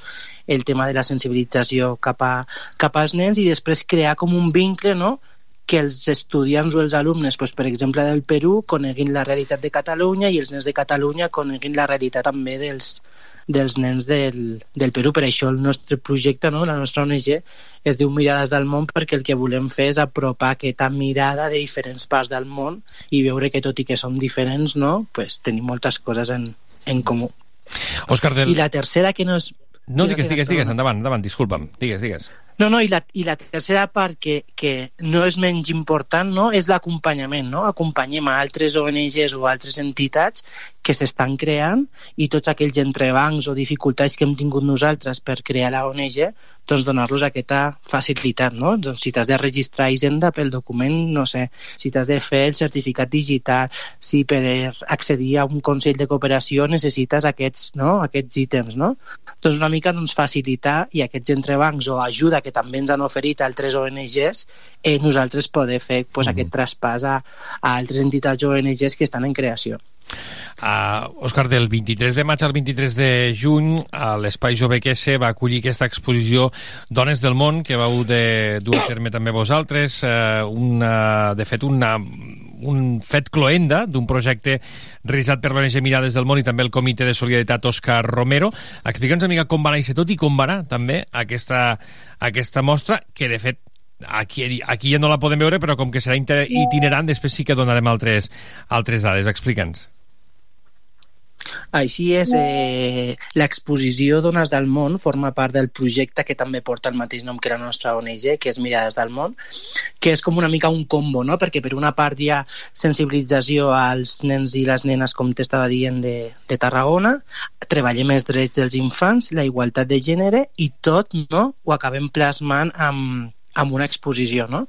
És un projecte que nosaltres posem dins de la carpeta, no? I al Drive on tenim els projectes gràcies a, perquè és un projecte que és gràcies a les escoles de Tarragona, sis escoles de Tarragona, que s'ofereixen per poder participar i és gràcies també a sis ONGs que, que s'ofereixen a, a, a participar en aquest projecte, no? És un projecte que, que està pues, financiat i dona el suport la Conselleria de Cooperació de l'Ajuntament de Tarragona, on estem super agraïts a les tècniques perquè sempre ens donen el seu suport, i a la Diputació. I aquest projecte el que fa és vincula no? o agermana ONGs que treballen sobretot al Camp de Tarragona amb les escoles. I aquest projecte té tres parts. No? La primera part, eh, anem nosaltres a les aules i fem una petita xerrada sobre els drets dels infants. No? Uh -huh. Com és un tema que és molt genèric, no? inclús podríem dir una mica no? que s'escapa de les mans, ho aterrem a la, a la vida dels nens, no? Llavors, més que parlar dels drets dels infants, que sí, que sí que és important, no? és parlar de què poden fer ells, no? quins deures tenen ells, com poden actuar perquè aquests drets s'acompleixin. No? Està molt bé el dret a, a ser refugiat, però amb els nens el que treballem és eh, si arriba un nen refugiat a la teva classe, què és el que pots fer, no? Quins recursos, quines eines, com és l'acompanyament, Qüestions que amb ells no? fins i tot els poden ajudar al dia a dia, no? És a dir, que, que, Clar. que coses que potser hauran d'afrontar uh, al dia Clar, a dia clar, i, clar, i clar. com ells han de reaccionar i, i, i, i, i, i, Així fer, i donar resposta amb això també, no? Així és. És, és com, com anar posant una llavor no? perquè en el futur no? vagi creixent. No? Però ara mateix, amb el problema que tenim, no? pues tenim un problema que, que hi ha una desigualtat de gènere. Val? Els nens i les nenes no tenen les eines polítiques no? per canviar les lleis, no? però a classe quines coses pots fer tu amb els teus companys i les teves companyes perquè aquesta igualtat de gènere s'acompleixi, no? I al mateix temps que estem donant aquestes petites píldores o aquestes eines o aquesta visió als nens, també ho fem amb els profes, no? amb els mestres. Els mestres a les aules també veuen quines activitats, quins recursos poden utilitzar no? perquè aquests drets dels infants s'acompleixin. No? Llavors, De- de fet, a- ja- aquesta seria la primera part. El fet de detectar aquestes conductes discriminatòries i, i promoure ja també aquesta consciència de justícia social ja, ja és una feina que, que, vaja, que, que, és, que és interessantíssima, no? dur-la a terme ja com aquesta llavoreta que comentaves amb els infants, Òscar. Així és, així és. I, I molts cops el que ens passa és que actuem eh, com de manera inconscient, no? perquè no sabem... Eh, bueno, no estem informats, no? Pues, uh -huh. Hi ha una pràctica, per exemple, que seria de- d'un microracisme, que és el col·locar, no? Llavors hi ha molts professors pues, ho portes com integrat dintre teu quin és el col·locar, perquè hi ha moltes tonalitats de pell, no? Llavors aquesta és la nostra, la nostra tasca, no? Clar. Anar mica en mica posant píndoles als professors i, al, i a l'alumnat perquè aquests drets dels infants eh, s'acompleixin, no? Mhm. I sempre, no?, des d'una manera més realista i, i aterrada, no? Més que una xerrada que se'n va una mica, no?, a, la, a la part com més, mm, no sé com dir-ho, no? Més Més, teòrica, teòrica, no? A la part pràctica. Sí, sí, sí. Això és una banda, Aquest- com tu deies, seria... no? Sí, digues, digues, perquè suposo Sí. que també l'altra opció... No, no, aquesta és la primera part. Aquesta és la primera part del projecte, no? que posem la, la píndola dels drets dels infants. De tots els drets dels infants, eh, la ONG decidim quin volem treballar, no? i aquest passat pues, va ser el dret a, a la igualtat de gènere i, i l'ODS també pues, igualtat de gènere. No? Llavors, què fem? Aquí és quan entren en joc les ONGs. Les ONGs visiten a les escoles i expliquen, per una banda, no, la contextualització del seu projecte, no? doncs us poso un, un exemple, no? la Fundació Vicente Ferrer que treballa a l'Índia. Doncs la primera part de la xerrada o del taller als nens és explicar on està el projecte, quines tasques fa, no? quina és l'alimentació al, al, a la Índia, quines són les costums, les cultures, no? un petit tastet. No? I després, la segona part del taller, aprofundim amb el ODS o el, o el dret de l'infant que hem decidit treballar, que en aquest cas és el dret a la dona, no? el, el, el dret a la igualtat entre homes i dones. Llavors, eh, expliquen un projecte, expliquen una realitat, expliquen una situació de com és el paper, el rol de la dona a la Índia, no? I ho fem a través de una carta, sí?, on s'explica la vida d'una dona, no? Què menja, eh, on treballa, com es diuen els seus fills, a quina escola van, eh, quines són les inquietuds d'aquesta dona, quin és el seu somni, no? I, I els nens fan un treball del paper, del rol d'aquesta dona, no? I aquest seria el segon, el segon taller. I el tercer taller, que per nosaltres és com el, el més bonic, no? perquè al final és, és com la cloenda del procés, és que els nens, amb una obra d'art, plasmen, per una banda, aquest dret de la igualtat que hem estat treballant, per una altra banda, el paper de la dona, no? i surten unes obres que són per nosaltres espectaculars i superboniques, treballades amb els nens i, i les professores no? i els mestres. No? Uh -huh. Però aquest any hem anat un pas més endavant no? i el que hem volgut fer és que aquestes obres eh, les facin els nens amb l'ajuda o amb la col·laboració d'il·lustradores també de la ciutat de Tarragona. Llavors les il·lustradores han anat a les escoles i els han dit, bé que heu estat treballant, no? Qui és aquesta dona? Què fa? Què menja? No? I a partir dels dibuixos, dels tallers que han fet amb les il·lustradores, les sis il·lustradores han fet les obres definitives. Llavors és com una mica una fusió entre les il·lustradores no? que s'han inspirat amb els dibuixos dels nens. Les obres, en definitiva, són la part final i aquesta part més eh, visible del projecte, però després, eh, Òscar, també m'interessa saber què us han explicat els nens quan els hi heu mostrat aquestes eh, parts diferents del món, aquestes tradicions, aquests espais de, de reflexió que heu parlat de diversitat, de drets, de llibertats, eh, d'aquestes eh, qüestions de, del dia a dia. Quina ha estat la, la seva resposta? No? Els heu vist predisposats a, a reduir aquestes desigualtats, a, a reflexionar, evidentment amb la, amb la mesura de, de, de les seves possibilitats, no? però a, a, un, cop plantada aquesta, aquesta llavoreta, què és el que heu vist? Què és el que heu copsat? Mira, nosaltres sempre diem, quan acabem els tallers, no? sempre surts com amb aquesta sensació de estem fent bé les coses perquè les respostes són molt positives, no? Una, per a, un, una seria aquesta reflexió. I la segona reflexió seria què bé aniria al món si el dirigeixin, no? si els nens fossin qui, qui estiguessin en, en les altes esferes eh, dirigint el món, no? Perquè tenen una predisposició, tenen una ajuda, tenen un, companyerisme, uh, tenen uns valors molt integrats que a mesura que ens fem grans sembla que vagin eh, desapareixent. No? I moltes eh? de les situacions que... Ahí està. I moltes, moltes de les, de les uh, coses que nosaltres aportem, no? de les reflexions que els fem, eh, ja les tenen integrades. És a dir, eh, per què un nen va a un parc i no té cap problema en relacionar-se amb un altre nen, no? No? Tot, tota, tota aquesta infància, no? també partim des de la innocència, no? que ells tenen aquesta tasca ja com assumida i feta, vull dir, eh, hem plantejat molts, molts reptes o molts temes als tallers i, o per exemple no, quan vam fer la xerrada sobre el Marroc hi havia nens al Marroc que estan molt ben integrats pels nens catalans no? pels, pels nens com si diguéssim que, que han nascut aquí. Llavors, molts dels reptes que ens plantegem, a mesura que es van fent grans, es van, com tu estaves dient molt bé, desdibuixant, no? Llavors, la nostra tasca és doncs, anar com continuant, no?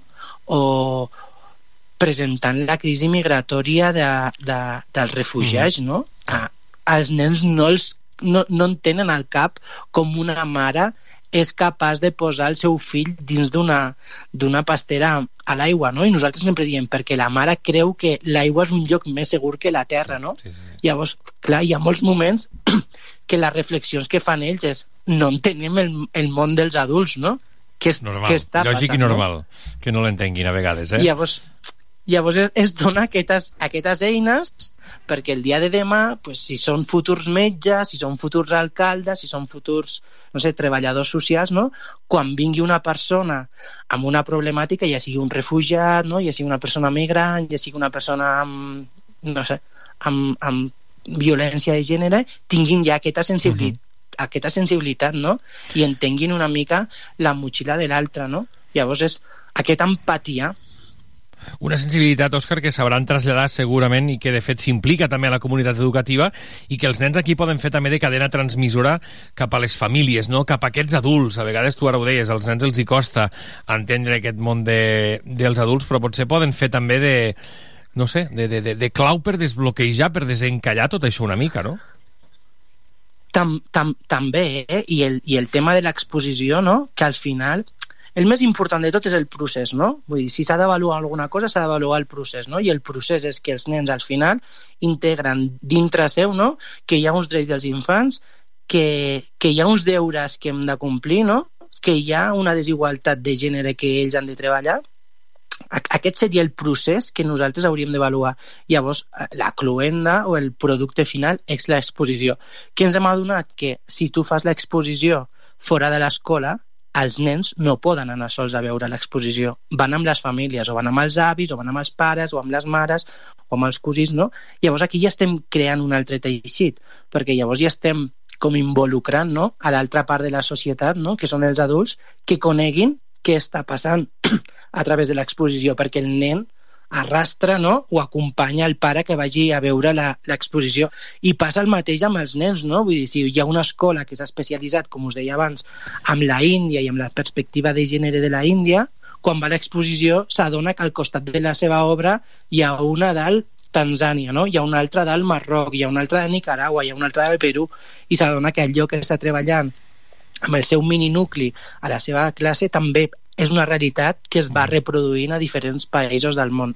Una exposició, Òscar, que hem pogut veure ara fins al 23 de juny a l'Espai Quese i que ara, en breu, ja també la podrem veure amb altres indrets de Tarragona. Per tant, és itinerant. Per tant, si algú no l'ha vista o vol apropar-s'hi o vol saber de més, ho podrà continuar fent aquest estiu. Així és, ara estarà la- l'exposició al Campus Catalunya i després serà itinerant pels diferents eh, centres o, o seus de, de, la, de la Universitat Rovira i Virgili, que també és important no, que els estudiants vegin no, eh, el treball que han fet els nens i tota la feina que, que hi ha darrere i, i el que han estat treballant i sobretot a la Facultat d'Educació no? de Ciències de la Psicologia, de Ciències de l'Educació i la Psicologia, Mhm. on els futurs mestres no, veuran quines, quin treball s'està fent a les aules i el dia de demà si són professors no, que tinguin com una petita pinzellada a través de l'exposició de, de a banda del tema curricular no, que s'ha d'ensenyar a sumar, s'ha d'ensenyar a restar, però també s'ha d'ensenyar a ser respectuós, a ser empàtic i a, i a posar-se en les sabates dels, dels altres. Molt bé.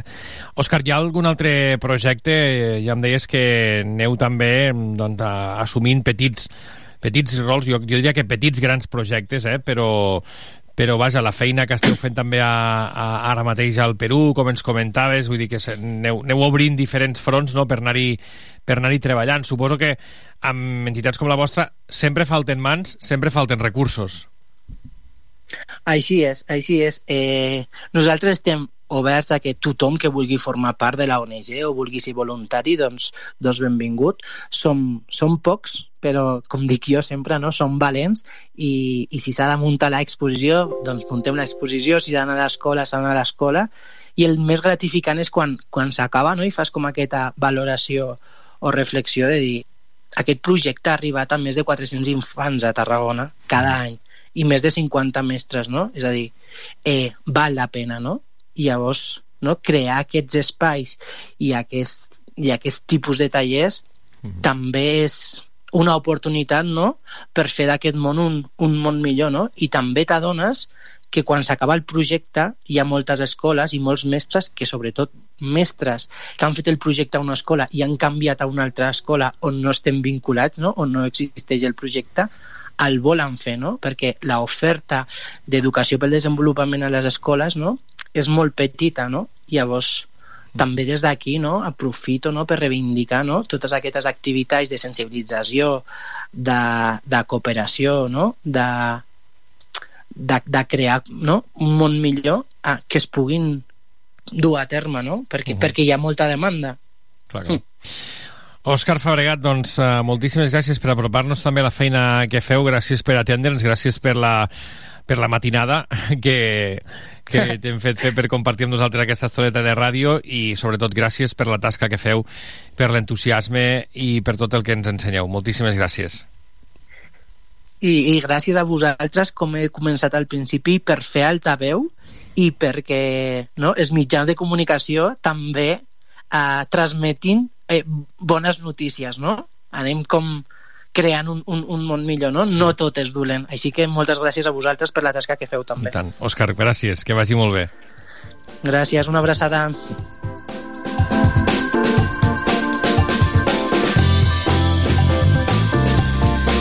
L'Òscar Fabregat des del Perú, que ens concedia aquesta conversa, aquesta entrevista sobre l'ONG Mirades del Món i que avui hem volgut eh, emetre també aquí a l'Espai Tothom. Nosaltres ho deixem aquí. Ara arriba a l'Espai a fons amb el company eh, Joan Andreu Pérez i a partir de dos quarts eh, de dues el Tarragona Actualitat. Continueu a la sintonia de Tarragona Ràdio. Fins demà.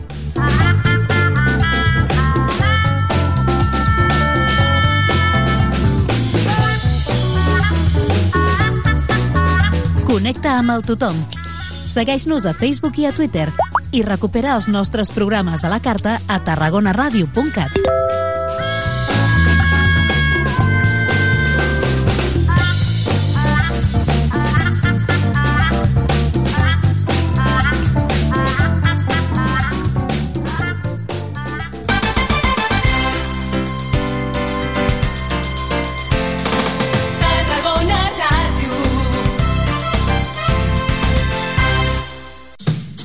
Saps què és Ematsa Online? És la manera més fàcil, còmoda i eficient de gestionar el teu subministrament d'aigua. Fes el salt online per tenir un control total sobre el teu servei. Consulta les teves factures i fes tots els tràmits quan vulguis.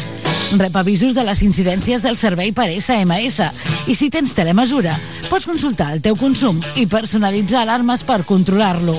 Un servei totalment gratuït al teu abast. Registra't a www.ematsa.cat Ematsa Online, el teu servei d'aigua més a prop que mai.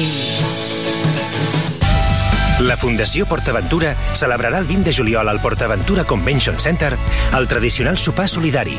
Particulars, empreses i organitzacions benèfiques gaudiran d'un sopar ple de sorpreses i espectacles per una bona causa, sota el lema Somriures que curen. La recaptació es destinarà a impulsar els projectes pel benestar infantil dels hospitals Joan 23 de Tarragona, Sant Joan de Reus i el projecte PortAventura Dreams de la Fundació PortAventura. Apunta't ja a fundacionportaventura.org. A Tarragona, els residus al seu lloc. Utilitza la deixalleria. Recorda, els residus voluminosos no van a les deixalleries mòbils. Cal portar-los a la deixalleria fixa. O bé, te'ls passem a recollir si ens avises a través del telèfon verd o l'aplicació app. Més informació a www.tarragona.cat barra neteja. Ajuntament de Tarragona.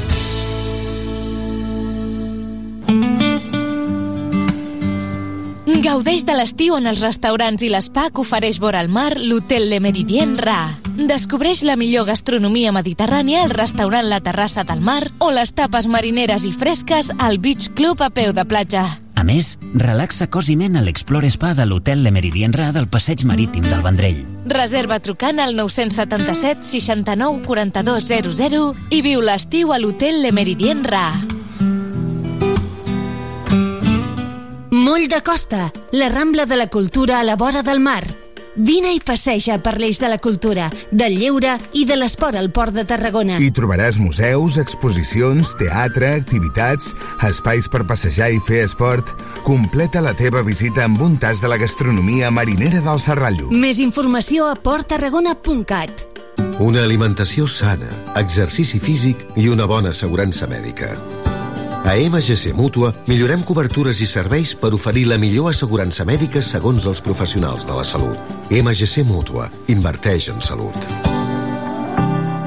Informa't en el web mgc.es.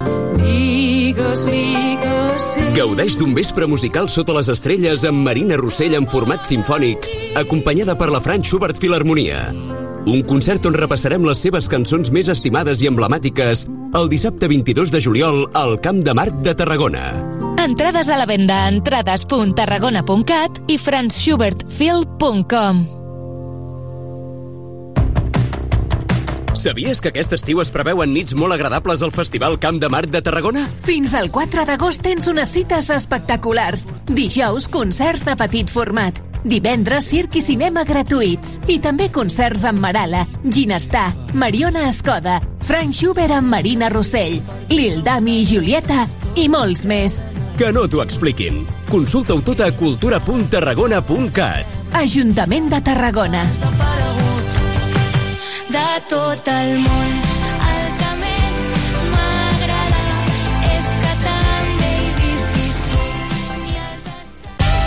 La Fundació PortAventura celebrarà el 20 de juliol al PortAventura Convention Center el tradicional sopar solidari.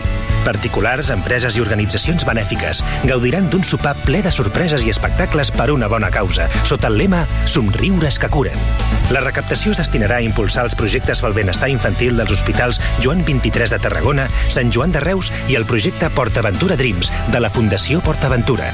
Apunta't ja a fundacionportaventura.org.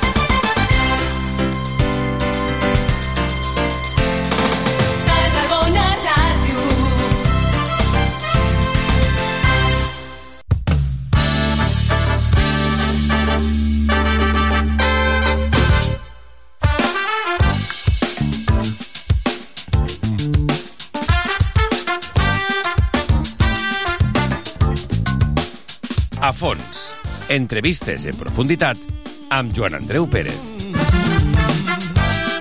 Bona tarda, benvinguts a una nova edició del uh, A Fons. Avui programa 36 i avui amb un entrenador d'aquells que recordem amb molt de carinyo perquè un servidor, per exemple, quan començaven això, era el primer dels entrenadors que quan anava a la sala de premsa eh, doncs li preguntava eh, al voltant dels eh, 80, després va haver una altra etapa a la meitat d'aquella dècada on també dirigia el conjunt de la de Tarragona. A banda, el convidat d'avui és molt conegut perquè ha estat durant molts anys, quan dic molts anys són molts anys, com a profe d'un dels millors col·les de Tarragona, la Salle de Tarragona. Fernando García Ramos, buenas. Hola, buenos días. ¿Cómo estás? Pues muy bien, encantado, muy contento de, de estar contigo y aquí con, con, la gente de Tarragona que escucha Tarragona Radio. Nosotros también estamos contentos porque todo esto de los micros nos te gusta mucho, por tanto te agradezco especialmente que hayas aceptado nuestra invitación. Queremos conocerte un poco más, un poquito más de lo que ya te conocemos. Empezamos. ¿Quién es Fernando García Ramos? Bueno, pues Fernando García Ramos...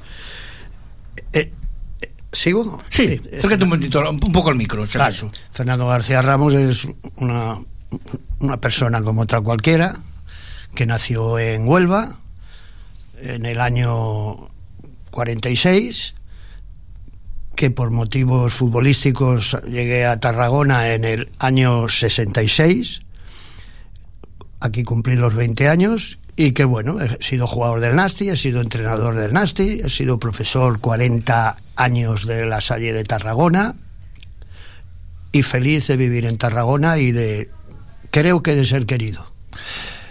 Yo también lo creo. Eh, el de dónde vienes, que era la siguiente pregunta, más o menos ya la has respondido, por tanto te hago la siguiente, te formulo la siguiente. ¿Cómo fueron esos primeros años de vida? ¿Cómo lo recuerdas? de la época en la que naciste. No sé si por memoria o porque te hayan explicado. Bueno, la época de, de Huelva, que yo fue donde nací, donde vivían mis padres, eh, fue muy pequeña, porque a los cuatro años mi padre fue destinado a, Madrid y entonces la familia nos fuimos a Madrid. Yo llegué a Madrid con cuatro años. Entonces, de, lo de Huelva, bueno, sí que me acuerdo de, de, los veraneos que hacíamos en una casita que tenía mi, mi padre en, la sierra y allí pues íbamos los meses de eh, julio y agosto y, bueno, poquito más de, lo, de los arboletes, de, del juego con mis hermanos pequeños, pero muy poquita cosa más. Eh, yo creo que la gente de Nastic, aquella, la de toda la vida, eh, a Fernando García Ramos lo recuerdan especialmente en tu faceta de entrador. ¿Qué puedes hablar de esa época? De inquilino de la banquilla, del banquillo de Nastic. Bueno, pues un orgullo lo primero, porque mi vida ha sido el Nastic. Yo llegué con 20 años, me enamoré de Tarragona, prueba de ello es que sigo aquí, he podido ir muchas veces, tanto como jugador como entrenador fuera, y no me quise ir nunca de Tarragona. Entonces, bueno, pues eh, la juventud con la que tenía, pues me, me la hacía pasar bien, aunque con tranquilidad, porque era jugador profesional de fútbol, y bueno, muy bonito Tarragona en aquella época. Te quiero pedir un favor, que te pongas los auriculares. Siempre a los invitados eh, les invitamos a que pongan los auriculares para, para que se escuchen ellos mismos y para que escuchen, entre otras cosas, a personas que han querido pasar por este programa y que te quieren saludar justamente de esa etapa de entrenador. Escucha. Hola Fernando, soy Luis Miguel Ramis. Eh, te mando un saludo grande, esperando que estés bien, eh, recordando también esos inicios que tuvimos yo como jugador jovencito en categorías inferiores en el Nasti, coincidiste también eh, con mis hermanos y bueno, esos inicios siempre los recuerda uno con muchísimo cariño, pues son la base para, para luego toda la trayectoria que he tenido la suerte de vivir, con lo cual agradecido por esa atención que me mostraste y, y por esa sabiduría en mis primeros pasos como futbolista. Te mando un abrazo grande.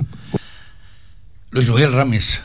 Sí. Uno de los que tuviste. Sí, sí. A los tres hermanos. A dos de ellos en, en, en el Reus y a Luis Miguel aquí en el Nastic y luego nos hemos visto él dio un salto futbolístico súper importante y luego de veteranos en las cenas del Madrid de la Asociación de Veteranos pues no, no, cenas o comidas que una, vez al año las hacemos pues allí me he encontrado también con él.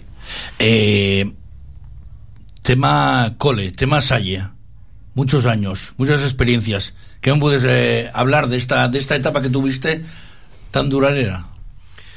Bueno, en la Salle fueron 42. Yo estuve dos años antes en el seminario. Todavía cuando jugaba al fútbol estuve en el seminario dos, dos, dos, dos años. Y luego me fui a la Salle en el 42, me parece. Ay, no, 42, en el, en el 72. Entré en la Salle.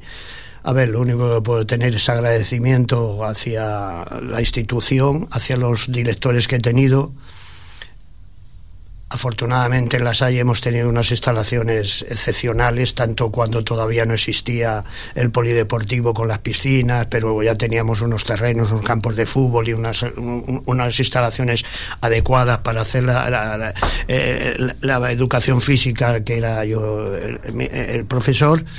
Y bueno, solo puedo hablar bien y sí que también tengo que decir, aunque parezca un poquito subido, que afortunadamente la mayoría de alumnos que he tenido yo sé que me aprecian por, por Tarragona me saludan eh, me saludan mucho. Eh, en los clubes de tenis tanto en el par como en, el Tarragona pues, ahí tengo alumnos a, a, tope. Yo sigo jugando dos, tres, cuatro y cinco partidos a la semana.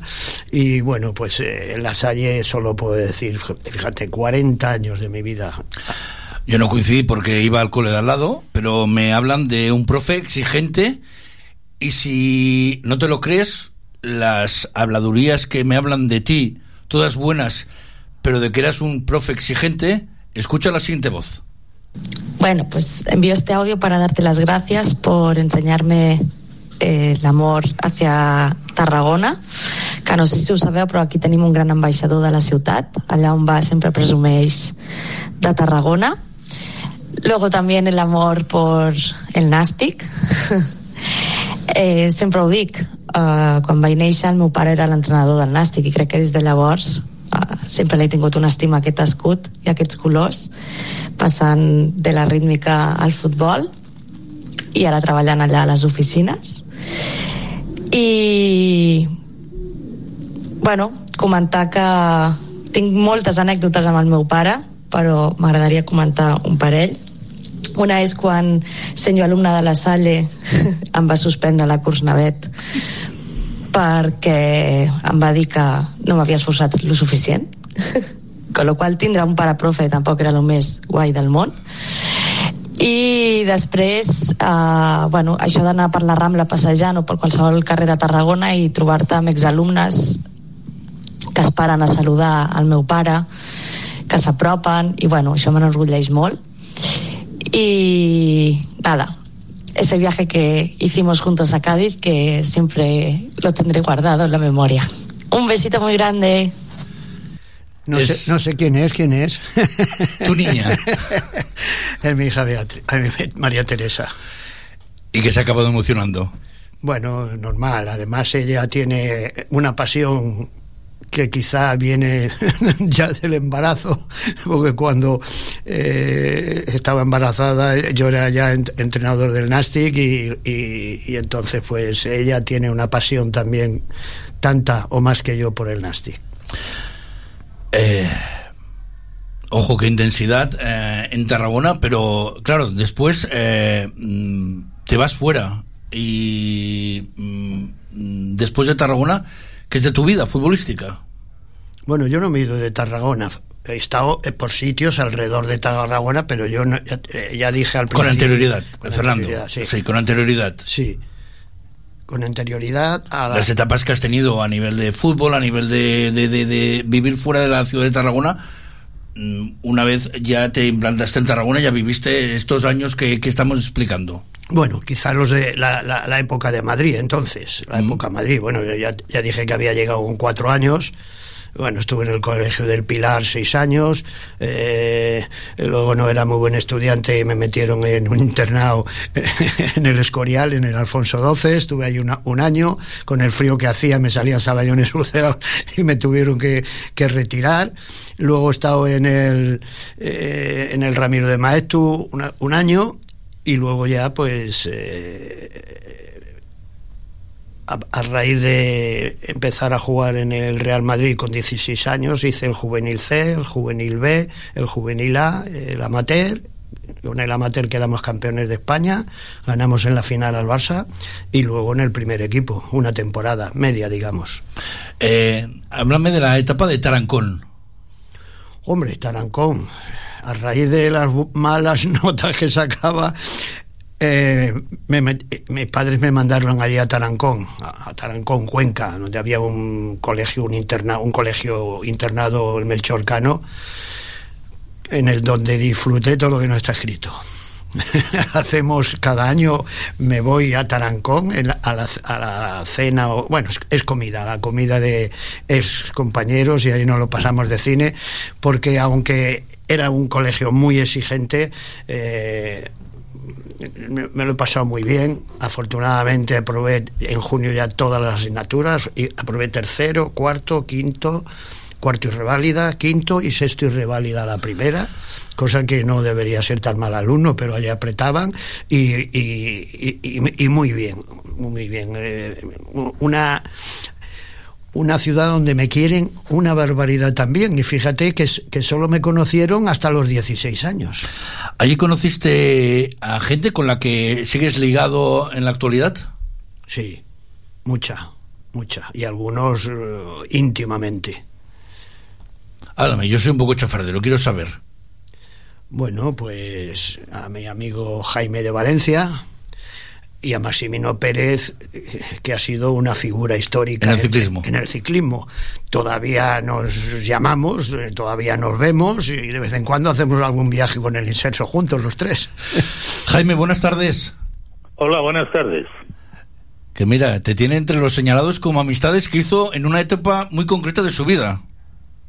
Bueno, eh, yo también lo tengo señalado como en unos cuantos años que estuvimos juntos en ese colegio.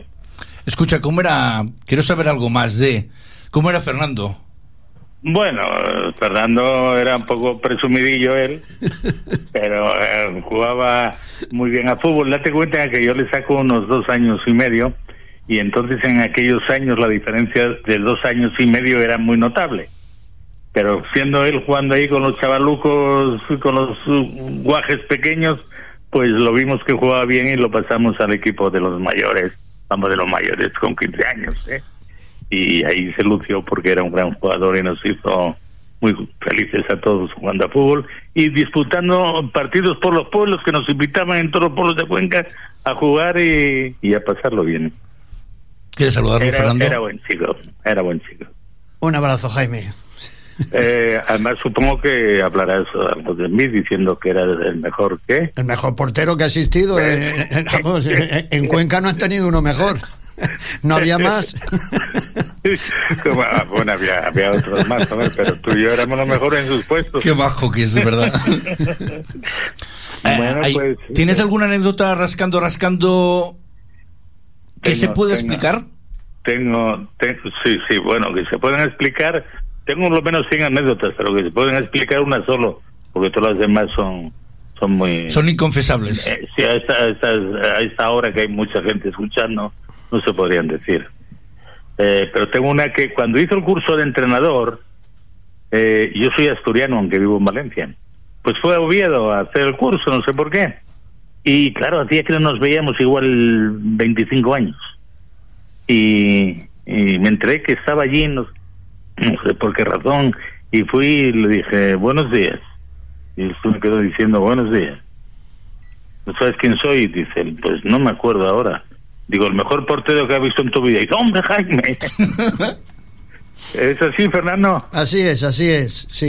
El, el- el- el nacional, el carnet na- nacional de entrenador lo, lo tuve en, en, en Oviedo. Sí, en la universidad. Allí, exactamente, allí. Muy bien. Bueno, y, y, ah, lo que más suerte ha tenido ha sido con, con, con su familia, que, que es ideal, y tanto la señora, eh, que aunque manda un poco más de la cuenta, como los hijos y tal, todos eh, son encantadores. Muy bien. Eh, ¿Alguna cosa más, Jaime? Bueno, eh, de aquella época te puedo decir, no, cosas así respecto a, a mi relación con Fernando, no, no muchas, porque una relación muy personal, muy personal en la parte del fútbol, no era porque, ya digo, nos llevamos dos años de edad y además ocurría otra circunstancia especial mía, que era un colegio de pago, yo era becario, estamos un poco los becarios como gente pobrecilla, así un poco mal, tal y... No fin. seas exagerado, Jaime. No. Bueno, pues yo creo que sí era así, sí. No, yo recuerdo, bueno, ya son muchos años, ¿eh? Porque claro, estamos hablando de hace 60 años. Y qué bien que estáis, además. Jaime, que gracias por estar. Faltaba más lo que lo que sea eh, en favor de mis amigos y sobre todo de Fernando, lo que haga falta, aquí estoy yo. Un abrazo, Jaime. Venga, un abrazo.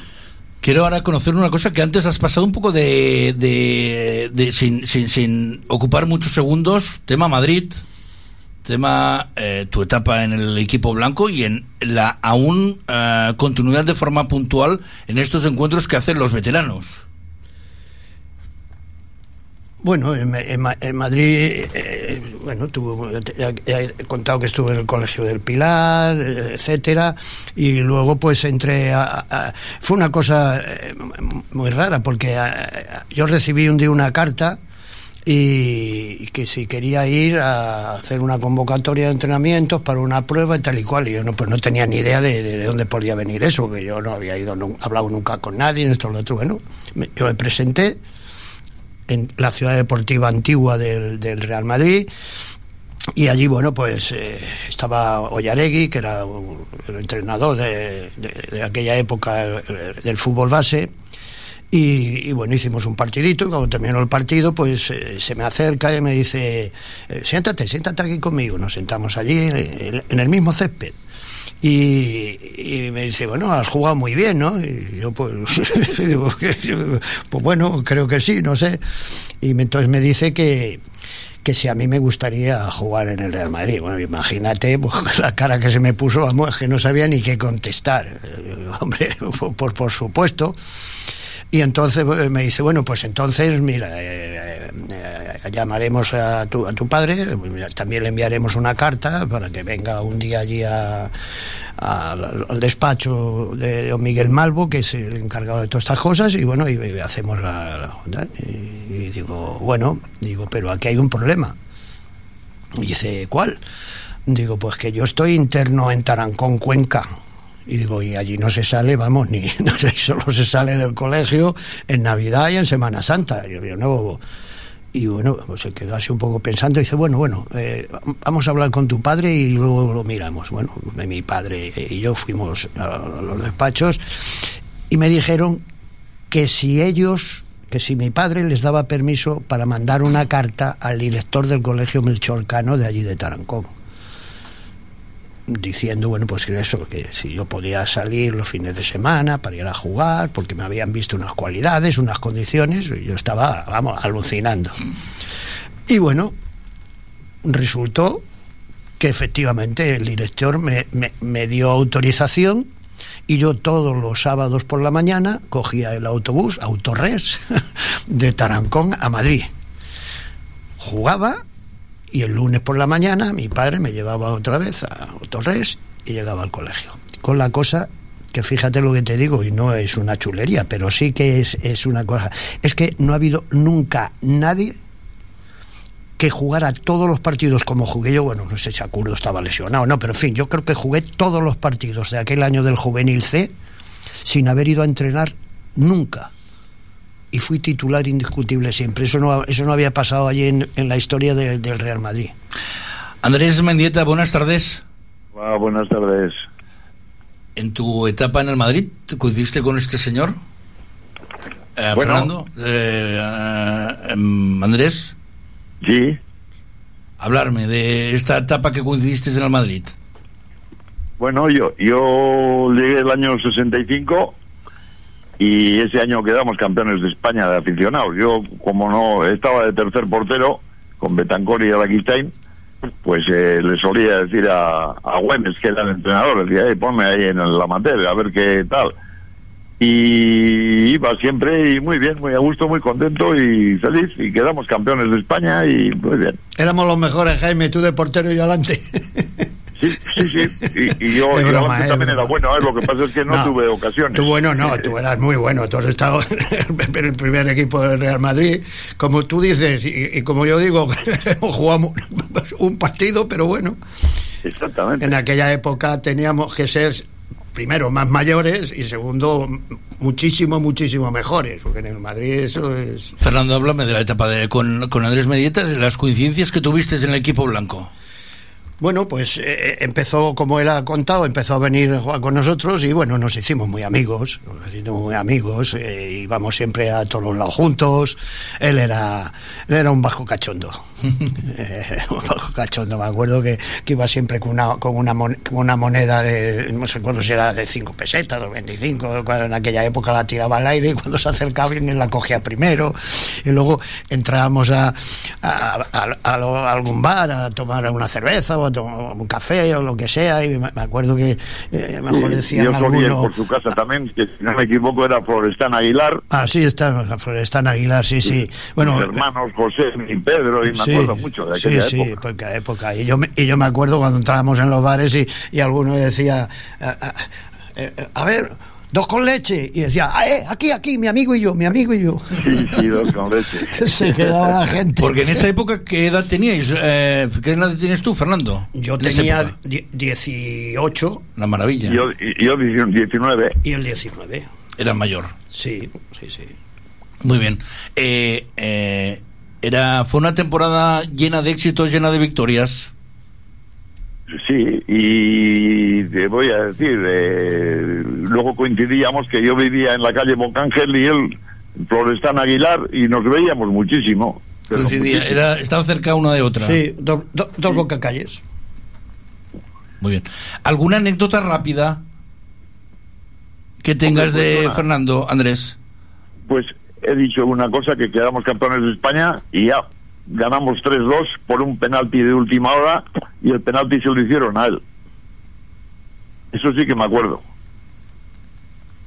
Yo me, yo me acuerdo de, no sé si te acordarás tú, cuando a la mañana siguiente nos fuimos a la playa, yo me gustaba mucho, tú el cachondeíto, me quité el bañador haciendo así, jiji, campeones, haciendo tonterías, vino una ola, tú estabas en la orilla, vino la ola, se me cayó el bañador y, y tuvieron que ir a- al autobús a, a- a por un pantalón Madre mía. para yo poder salir del agua.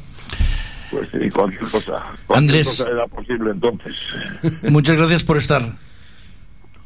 Muy Andrés. bien. Vale. Una- un abrazo, Andrés, a ver si nos vemos pronto. de mí y muchos recuerdos a Fernando y a este y, y que, que es eh, homenaje merecidísimo, supongo. El que se merece, evidentemente. Gracias, eh, reitero, Andrés. Vamos a seguir, estamos acabando, pero eh, esto ya era una cosa que preveía cada vez que eh, te veíamos en la época Nastic, pero que parece que eres una persona muy competitiva en todos los sentidos, en todos los ámbitos. También en la de juegos de cartas, llegas, o de domino, llegas a sacar de quicio a la gente. Hombre, ¿Es posible o no eso? No, me gusta y juego bien, pero vamos, tanto para sacar de quicio. A ver, eh, soy ganador nato, si se puede, pues ganador nato, no- nunca puedes jugar, ganar tú siempre, o sea, eso está claro. Pero sí, soy bastante ganador nato en, en- en las cartas siempre, en el domino, en el pádel y en el tenis. Sí. Voy, voy, voy a preguntarle porque a mí me lo han dicho, pero eh, quiero que me lo confirme la persona siguiente. Nos vamos a mil kilómetros, a Huelva. Roque, buenas tardes. Buenas tardes. Escucha, ¿se acaba de quicio o no? ¿O saca de quicio o no en el tema este de los juegos de cartas? Mucho. Eh, Es cierto lo que acaba de decir que es competitivo, sí. Pero bueno, mm, bueno, es conocido como el rey del globo, porque lo único que hace bien es el globito. Entonces sí saca un poco de quicio, la verdad. ¿No? Eh, saludemos a Roque. Eh, Huelva es familia de Fernando García Ramos. Es, Fernando. es sobrino mío, hijo de mi hermana Matilde. Y que os eh, tenéis mucho afecto y mucho cariño, ¿no? La familia en sí pasa eso, pero vosotros vais un escalón más arriba. En afecto y en cariño. Sí. El máximo, claro. Porque además él... él Por eso tiene derecho a decir las verdades. Él iba yo los veranos y él todavía era pequeño, tenía, pues no me acuerdo, pero 11, 12, 13 años o aproximadamente, y yo le enseñé a jugar a, a- a aquello de, la- de- de las máquinas, de, la- de las, las tragaperras aquellas, y yo jugaba muy bien, y él se venía todos los días y miraba, y bueno, y luego pues eh, en muchas cosas, pues, sí, sí, ha sido más que, más que un sobrino. Eh, micrófonos Para- abiertos, para deciros lo que queráis. Yo, yo, yo puedo, eh, yo salgo en antena. Sí, sí, claro, está, esto es en directo. Ah, muy buena. Así que según lo que pueda no lo digas. Para mí, para mí es como un hermano mayor. Entonces, lo que he dicho del padre, que jugamos en punto, cuando va a Punto Hombría, bueno, pues sí saca un poco de quicio, por lo menos a mí. A los demás, pues no lo sé, los demás se ríen. Y, y bueno, pues, pues eso sí, los globitos y eso lo hace muy bien, muy maqueón. Pero bueno, y, y es competitivo y se prepara muy bien. ¿Os queréis comentar alguna cosa aparte de tiraros pullas? No, este año no bajaremos, a ver si el año que viene no bajo. Vale, vale, sí, sí, no hay problema. Tú sabes que aquí eres muy bien recibido. Venga, un beso muy fuerte. Solo que... Un beso grande y nada, ya nos vemos. Y me alegro que, que bueno, que te den este homenaje, ¿no? Porque es un homenaje al fin y al Bueno, cabo. no, eso es una, una simple entrevista. Bueno, pues Lo vestimos así y, y acaba siendo un reconocimiento a gente del deporte, como es el caso de Fernando García Ramos, que, que nos ha hecho disfrutar mucho durante muchos años y nos sigue haciendo disfrutar. en Punto Umbría toda, en Punto Umbría todavía se recuerda cuando jugaba en la arena, hombre, eh, jugaba en plan amateur, claro. Y bueno, y yo y eso a mí me decía, ¿no? Oye, tu tío que no sé qué, que, que viene de Madrid y tal. Y entonces, bueno, pues no, eso no nos encantaba. Roque, muchas gracias. De A verdad. ustedes. Nano. Sí, un beso. Un beso grande. Venga, igualmente, gracias. Adiós, adiós. Vamos acabando porque queda poco tiempo, pero voy a hacerte tres preguntas rápidas que empiezan ya. Un sitio donde te perderías, Fernando. No me gusta perderme, por eso no me he ido a un cole de Tarragona, en Tarragona, Eh, ¿A quién recorres cuando necesitas un consejo? a mi mujer. ¿Y qué harías si un día ganas la lotería? Bueno, pues ponerme contento y depende lo que fuera, pues hacer una cosa más grande o más pequeña. ¿Cómo es un día perfecto en la vida de Fernando García Ramos? Bueno, pues yo creo que lo que hago, irme al tenis, a jugar, bien a pádel, bien esto, estar con los amigos, tomar una cervecita, una siestecita corta y, y a sentarme en una terraza a tomar unas cervezas. Y acabo. Un sitio para comer. Para, un sitio para, en Tarragona. Donde quieras. Bueno, pues en, en el POSIT de Tarragona. Muy bien. Fernando, eh, gracias por estar. ¿Has estado bien? Muy bien, encantado. Un placer el haberte tenido en este programa, el 36 del eh, Afons. Acabamos con una canción que me han dicho que te gusta, del Serrat Mediterráneo. Sí, es una de mis canciones favoritas, sí. Reitero, las gracias por estar y por conocer algo más de ti. Y yo, gracias a vosotros por la oportunidad de, bueno, de que me oiga la gente y de estar un rato con vosotros. Hasta pronto. Igualmente. Y escondido tras las cañas duerme mi primer amor. Llevo tu luz y tu olor por donde quiera que vaya. Y amontonado en tu arena, guardo amor, juegos y penas. Yo que en la piel tengo el sabor amargo del llanto eterno. Que han vertido en ti cien pueblos de Algeciras a Estambul para que pintes de azul sus largas noches de invierno. A fuerza de desventuras, tu alma es profunda y oscura. A tus atardeceres rojos se acostumbraron mis ojos como el recodo al camino. Soy cantor, soy embustero, me gusta el juego y el vino, tengo alma de marinero. ¿Qué le voy a hacer si yo nací en el Mediterráneo? Nací en el Mediterráneo. Y te acercas y te vas después de besar mi aldea. Jugando con la marea, te vas pensando en volver, eres como una mujer perfumadita de brea que se añora y que se quiere, que se conoce y se teme. Ay, si un día para mi mal viene a buscarme la parca, empujar al mar mi barca con un levante otoñal y dejad que el temporal desguace sus alas blancas. Y a mí enterradme sin duelo entre la playa y el cielo.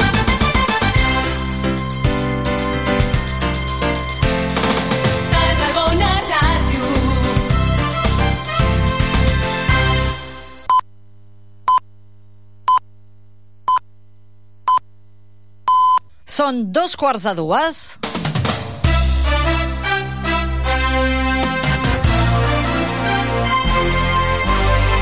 Tarragona Actualitat. L'informatiu del migdia a Tarragona Ràdio. Bona tarda. Tarragona disposa d'un nou protocol per episodis de calor i d'un mapa de refugis climàtics. A partir d'ara s'emetran avisos diurs per calor intensa. Per primera vegada també s'inclouen avisos nocturns per calor intensa a partir dels 23,8 graus i per calor molt intensa a partir dels 25,8 graus. A més, la ciutat comptarà a més d'una quarantena de refugis per la calor i s'han identificat, a més, les fonts d'aigua potable a disposició de les persones i dels animals de companyia. Sònia Ors, consellera de Protecció Civil. L'objecte d'aquest protocol és minimitzar els efectes de calor diurna o nocturna, com hem dit, sobre la salut de la ciutadania en general i especialment en els col·lectius especialment vulnerables. Per cert que Protecció Civil de la Generalitat ha activat el Pla Procicat per una nova onada de calor molt intensa a partir d'aquest dimarts. Al sector de la imatge personal, perruquers i barbers s'han concentrat concentrat aquest matí a la Rambla Nova de Tarragona per demanar als partits polítics la restitució de l'IVA reduït. Han simulat una jornada electoral amb votacions als professionals que han participat en la protesta. Pili Arenas, membre de la Junta del Gremi de Perruqueria i Barberia de Tarragona, ha recordat que és una reivindicació que arrosseguen des de 2012. que nosaltres teníem un IVA mm, com servei essencial, que és el que som, al 8% i l'any 2012 el van pujar al 21%, de manera temporal. Però aquest temporal portem ja més de 10 anys. En esports, el Nàstic 23-24 ha iniciat aquest matí la pretemporada amb 8 incorporacions i 9 sortides. Es tracta d'una plantilla jove amb els futbolistes de la casa com a principal actiu, com ha remarcat el capità Joan Oriol. són el principal actiu, és el més atractiu que, que, que hi pot haver, no? que dins de, de l'equip hi hagi nanos de, de casa. Jo com a capità pues, és el que vull, no? I gent amb identitat, gent de la, de la casa que sentin l'escut i els colors. I la victòria de Carlos Alcaraz ahir a Wimbledon ha desfermat l'interès pel tennis a Tarragona. Al tennis tarragona celebren precisament l'impuls que ha donat a l'esport al jove murcià successor de Rafa Nadal. Avui és 17 de juliol, dilluns. Joan Maria Bertran està als controls tècnics. En nom dels serveis informatius us parla Teresa Ortega. Nou protocol per episodis de calor. L'ha presentat aquest matí l'Ajuntament de Tarragona també un mapa de refugis climàtics. Es tracta d'un protocol que s'ha adequat al nou sistema d'avisos implementat pel Servei Meteorològic de Catalunya que més inclou consells d'autoprotecció. Gio González. Aquest protocol compta amb tres fases i està activa des del 15 de juny fins al 30 de setembre. A partir d'ara s'emetran avisos diurns per calor intensa quan la temperatura superi els 33,5 graus i per calor molt intensa quan superi els 35,5. Per primera vegada també s'inclouen avisos nocturns per calor intensa a partir dels 23,8 graus i per calor molt intensa a partir del 25,8. En funció dels avisos s'aplicaria el protocol i s'activaria el Pla d'Emergències Municipal per episodis o onades de calor. La consellera de Protecció Civil, Sònia Ors, explica que aquest protocol, que compta amb 18 departaments implicats, serveix per minimitzar els efectes de la calor en les persones, especialment a les persones més vulnerables. L'objecte d'aquest protocol és minimitzar els efectes de calor diurna o nocturna, com hem dit, sobre la salut de la ciutadania en general i especialment en els col·lectius especialment vulnerables. En aquest protocol ens coordinem de forma transversal eh, les diferents accions preventives i correctores eh, que per cada fase han d'interpretar, eh, implementar-se als diferents departaments municipals, com hem dit, que eren, són 18. Per altra banda, s'ha presentat el mapa de refugis climàtics. La ciutat comptarà amb més de 40 espais exteriors i interiors. També s'han identificat les fonts d'aigua potable a disposició de les persones i dels animals de companyia. El protocol també disposa de recomanacions genèriques i consells per millorar la qualitat del son en nits de calor. Beure aigua amb freqüència, reduir l'activitat física o utilitzar roba lleugera són algunes recomanacions. Tota la informació sobre aquest protocol està disponible a la pàgina web de l'Ajuntament. Per cert que Protecció Civil de la Generalitat ha activat precisament avui l'alerta del Pla de Protecció Civil de Catalunya per calor molt intensa a partir de demà al matí i de forma generalitzada a tot el país i amb menys probabilitat al litoral i prelitoral central i sud. Per tant, a Tarragona eh, podríem eh, respirar o mantenir-nos certament aïllats d'aquesta nova onada de calor. La probabilitat que les temperatures extremes es puguin superar serà molt alta gairebé a tot el país. Les comarques de Girona seran les que viuran el pic de calor més accentuada i es podran superar puntualment els 44 graus. A les comarques de Lleida i la Catalunya central es podrà arribar als 42 i 43 graus, al Pirineu als 40, al prelitoral entre 36 i 40 i al litoral entre 32 i 35 graus. Dimecres es mantindrà la calor intensa a la tarda però amb menys afectació territorial. L'avís per calor intensa afectaria ja únicament aleshores les comarques de Ponent, Catalunya Central i Terres de l'Ebre. I afegim encara una última notícia vinculada en aquest cas amb la sequera. L'Ajuntament de Tarragona ha reobert des d'aquest matí el 50% de les dutxes i rentapeus a les platges del municipi. D'aquesta manera es garanteix com a mínim que totes disposin d'una dutxa operativa.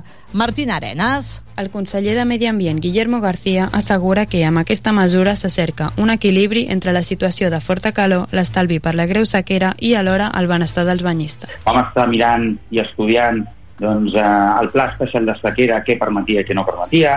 Vam estar estudiant també no, doncs, si, per exemple, eh, estudien obrir unes dutxes i els rentapeus estudien obrir o no, si estudien obrir una dutxa sí, una dutxa no. Que aspectes d'aquests tan, també importants, tècnics, que a vegades no, són, no ho semblen, no? però són imprescindibles doncs, per dur a terme aquesta decisió que, que hem pres, no? que és obrir el 50% de les dutxes de, de les platges tarragonines, garantint que eh, totes les, les platges disposin de com a mínim una, una dutxa amb el seu rentapeu. D'acord amb aquesta decisió, s'ha procedit a modificar el banc d'alcaldia sobre les mesures que cal adoptar per la declaració d'alerta per sequera hidrològica al municipi de Tarragona i a partir d'aquest 17 de juliol es reobriran la meitat de les dutxes. En aquest sentit, el conseller vol apuntar que aquesta decisió s'ha pres fruit de les mesures de l'estudi antisequera que avalua els litres d'aigua que es gasten per dia i persona a la ciutat de Tarragona i que estan per sota del màxim exigit dins el Pla Especial de Sequera. Actualment, el consum per habitant i dia és de 187 litres, que està per sota dels màxims exigits en estat d'alerta dins el Pla Especial d'Actuació en situació d'alerta i eventual de sequera, que és de 250 litres per habitant per dia. El conseller ha recordat que es continua demanant a la ciutadania que es prengui les mesures necessàries per tal de fer un bon ús de l'aigua i evitar-ne el malbaratament. Fem una primera pausa per la publicitat. Ara mateix tornem. Les notícies a Tarragona Ràdio. A Tarragona, els residus al seu lloc. Utilitza la deixalleria. Recorda, els residus voluminosos no van a les deixalleries mòbils. Cal portar-los a la deixalleria fixa. O bé, te'ls passem a recollir si ens avises a través del telèfon verd o l'aplicació app. Més informació a www.tarragona.cat barra neteja. Ajuntament de Tarragona.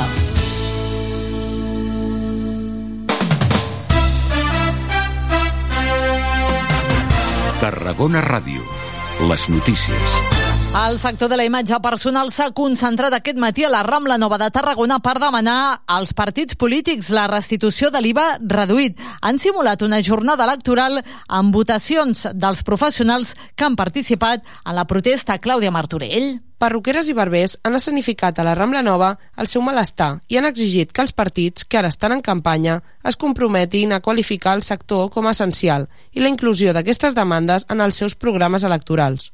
Els professionals han simulat una jornada electoral on representants sectorials i pimes del col·lectiu de la imatge personal han votat en unes urnes fictícies distribuïdes al carrer amb paperetes exigint aquesta baixada de l'impost. Pili Arenas, membre de la Junta del Gremi de Perruqueria i Barberia de Tarragona i administradora de la plataforma Creer en Nosotros, ha recordat que és una reivindicació que arrosseguen des del 2012. Va ser aleshores que l'IVA va passar del 8 al 12%, en una mesura que havia de ser temporal, però que s'ha allargat més d'una dècada que nosaltres teníem un IVA mm, com servei essencial, que és el que som, al 8% i l'any 2012 el van pujar al 21%, de manera temporal. Però aquest temporal portem ja més de 10 anys. El portaveu dels representants sectorials i professionals, Javi Torres, ha explicat que han volgut fer coincidir aquesta darrera fase de mobilitzacions amb la darrera setmana de la campanya electoral. Diu que no estan en contra de cap partit polític, sino de una decisión que consideran del todo injusta. Con estos actos eh, cerramos una campaña en la cual eh, el lema ha sido ahora votamos nosotros, ¿no? A las puertas de elecciones y eso, ¿no? Y con eso queremos dar un poco pie, dar, un poquito de apoyo a los partidos que realmente se han mojado eh, y están a favor de la restitución de, de nuestro IVA, ¿no? Eh, el sector de la imagen personal no está en contra de ningún partido político, ¿no? Nos han querido catalogar de unos o de otros y en este caso no es así. Estamos en contra de una decisión de una decisión que es la negativa a la restitución del IVA. La campanya de protesta ja va fer visible el seu malestar en les darreres eleccions locals i autonòmiques. El Col·legi Oficial de Farmacèutics de Tarragona i el Col·legi d'Infermeres i Infermers han signat avui un conveni de col·laboració amb l'objectiu de donar suport a les mares lactants. Judit Trillà. L'acord permetrà que els professionals farmacèutics que ho desitgin rebin la formació d'actuació farmacèutica en alletament matern de la mà del Col·legi d'Infermeres i Infermers de Tarragona perquè la farmàcia esdevingui punt de suport a la lactància materna. La farmacèutica i vicepresidenta del Col·legi de Farmàcies de Tarragona, Tania Piqué, ha explicat que moltes mares fan les consultes a les farmàcies i destaca la importància de saber donar resposta o derivar cada cas concret si és necessari. A, les farmàcies realment ens venen a, a demanar consell des de fa temps, que per això va sorgir aquesta necessitat eh, d'actualitzar-nos i donar el mateix missatge i treballar tots conjuntament per aquest objectiu que és mantenir les, eh, les lactàncies eh, desitjables en el major temps possible, ja que l'OMS recomana que els primers sis mesos de vida eh, del nadó eh, així sigui i aquí per això aquí estem, per visualitzar aquesta col·laboració i mantenir i aconseguir l'objectiu comú. La vicepresidenta del Col·legi d'Infermeres de Tarragona, Núria Mola, es mostra satisfeta de poder crear ponts de col·laboració entre especialistes pel bé de mares i nadons. Explica que es posarà en marxa un curs específic per ajudar els professionals de les farmàcies a resoldre dubtes des de darrere del taulell. S'ha creat un curs específic on es donen una sèrie de consells per a que ells puguin um, resoldre dubtes darrere el taulell i per a que ells puguin detectar que els problemes doncs, que necessiten d'una major especialització puguin ser derivats en aquestes matrones o en aquestes, um, bueno, en aquestes llevadores o en aquestes infermeres pediàtriques i pediatres que també hi col·laboren. L'OMS recomana l'alletament fins als 6 mesos com a mínim. Punt final a les festes a la Mare de Déu del Carme al Serrallo que s'han celebrat aquest cap de setmana de manera intensa. Ahir a la tarda va tenir lloc la tradicional processó que enguany recuperava el recorregut per les aigües del port després d'uns anys sense poder fer-la. La comitiva més ha desfilat pels diferents carrers del barri seguida per una multitud de persones. Una processó en què la Mare de Déu va estar ben acompanyada en tot moment per les diferents entitats i elements festius del barri, com els gegants, els nanos o els xiquets del Serrallo amb els seus pilars. No va ser fins dos quarts de deu passades quan la Mare de Déu va retornar a l'església amb la motiva entrada de la imatge a genolls per part dels portants. Centenars de tarragonins i tarragonines no es van voler perdre aquest acte i es van apropar fins al Serrallo. Llevo muchísimos años ya viniendo y cada año me gusta más.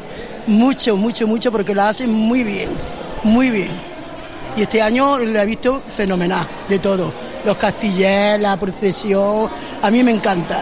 Aquesta festa eh, és la festa de la meva infància, o sigui, jo des de petita he viscut les festes de, Sant- de, de Sant Pere de la Verge del Carme de tota la vida. Eh, sí, a Tarragona tenim Sant Magí i Santa Tecla, però al Serrallo tenim Sant Pere de la Verge del Carme, que el sentiment jo crec que és més fort. Lo estoy viviendo de una forma especial. Para mí la Virgen del Carmen ha sido, es y será mi Virgen de toda la vida. Per mi, eh, Sant Pere és el patró, patró dels pescadors, de dels homes de la mar, i, i la Mare del Carme doncs, és la festa de, de les dones, perquè les dones pescadores, les dones dels pescadors, les dones dels peixaters, les dones de, dels homes de, que han viscut al Serrallo, doncs és la seva festa. Per als xiquets del Serrallo, aquesta processó també és un acte especial. Justament el 16 de juliol de 1988, ara fa 35 anys, un grup de persones va alçar els primers pilars de la que esdevindria posteriorment la colla castellera. Així ho recorden Ramon Gómez i Josep Ramon Tulés Pitu Mosquits, dos castellers que van ser presents en aquells primers pilars. Bueno, us recordo que jo en aquells moments formava part dels Xiques de Tarragona, bueno, actualment també, de la colla Xiques de Tarragona.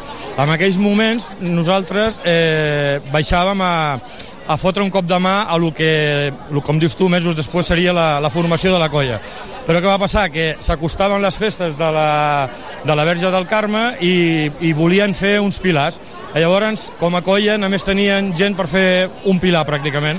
Llavors nosaltres vam baixar a ajudar-los i jo vaig ser un dels segons que vaig fer un pilar dels primers pilars que van fer sense encara tindre camisa la, la colla del Serrallo. Va ser, va ser molt emocionant, molt emocionant perquè com que no teníem la colla constituïda ni teníem res encara, eh, a través de mossèn Fort, que estava eh, aquí en aquell moment, va ser a l'inici també de la nostra colla, no? El poder fer aquells pilars que van fer amb gent que anava amb altres colles d'aquí baix del barri, però van poder fer aquells pilars i allí va sortir tot a l'inici de la colla dels xiquets del Serrallo, que va, bueno, ja ho veus tu, 35 anys, estem aquí, estem gaudint moltíssim ara de la colla perquè han fet coses grans ja i aquest any espero que encara en tornarem a fer més. Una tarda plena de festa, devoció i tradició al Serrallo, amb el caliu de les entitats i l'expectació de molta gent que va seguir aquest tradicional acte. I avui encarem la darrera setmana de la campanya per les eleccions de diumenge.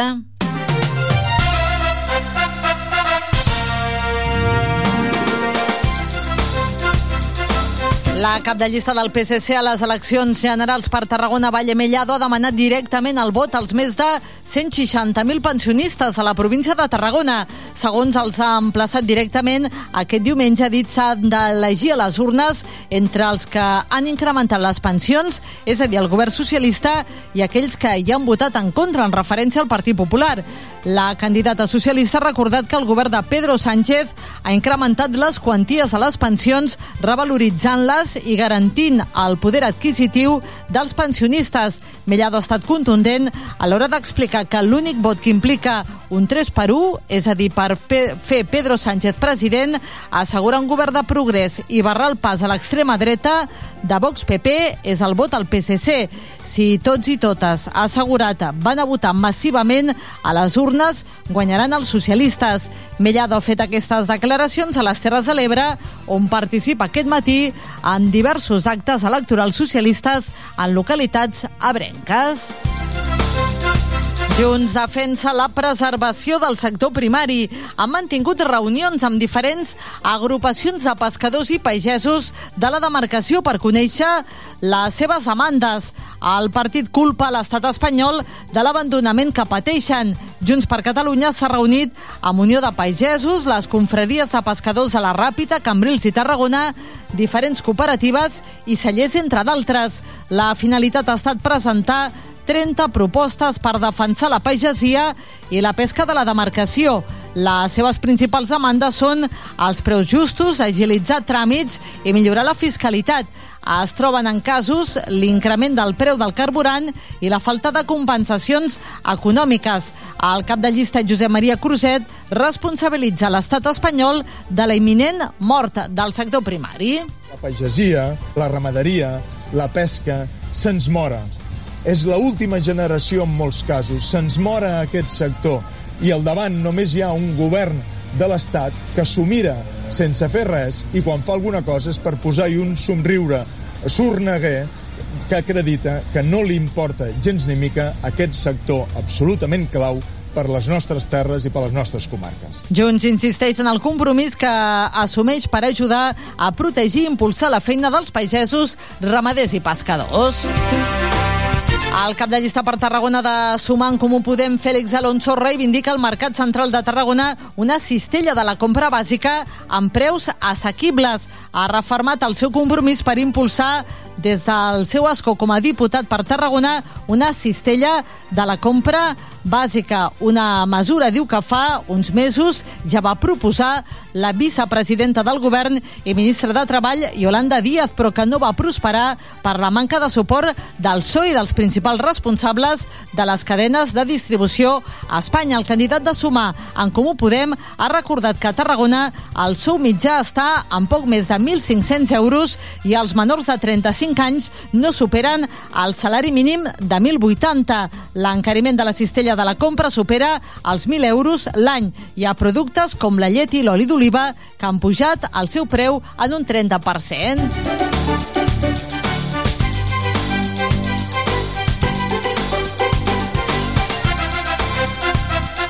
Fins aquí a la crònica electoral d'aquest dilluns.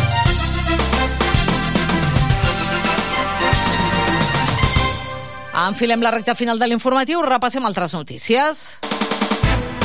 Una dotzena de bussejadors a la Societat d'Exploracions Submarines han retirat les restes del concurs internacional de focs artificials de Tarragona cinc dies més tard de la seva celebració. Les males condicions marítimes han endarrerit la neteja submarina. El mal temps i els forts corrents marins han provocat que el dispositiu no s'hagi dut a terme fins cinc dies més tard. El president de la Societat d'Exploracions Submarines, Lluís Marquès, explica que hi ha diferència tant pel que fa al volum com la quantitat de les restes de la pirotècnica respecte a altres anys. Bueno, ha canviat en positiu. En aquest sentit, sí, perquè abans pues, hi havia moltes carcasses de plàstic que no eren biodegradables o molts sacs de plàstic amb sorra i ara no, ara ja és, ha canviat bastant, hi ha molt material més biodegradable, però encara i així eh, ens trobem residus petits, perquè ja no són molt grans, però bueno, encara i així... Però menys, la veritat és que sí, que ha millorat en aquest sentit, la quantitat i el volum.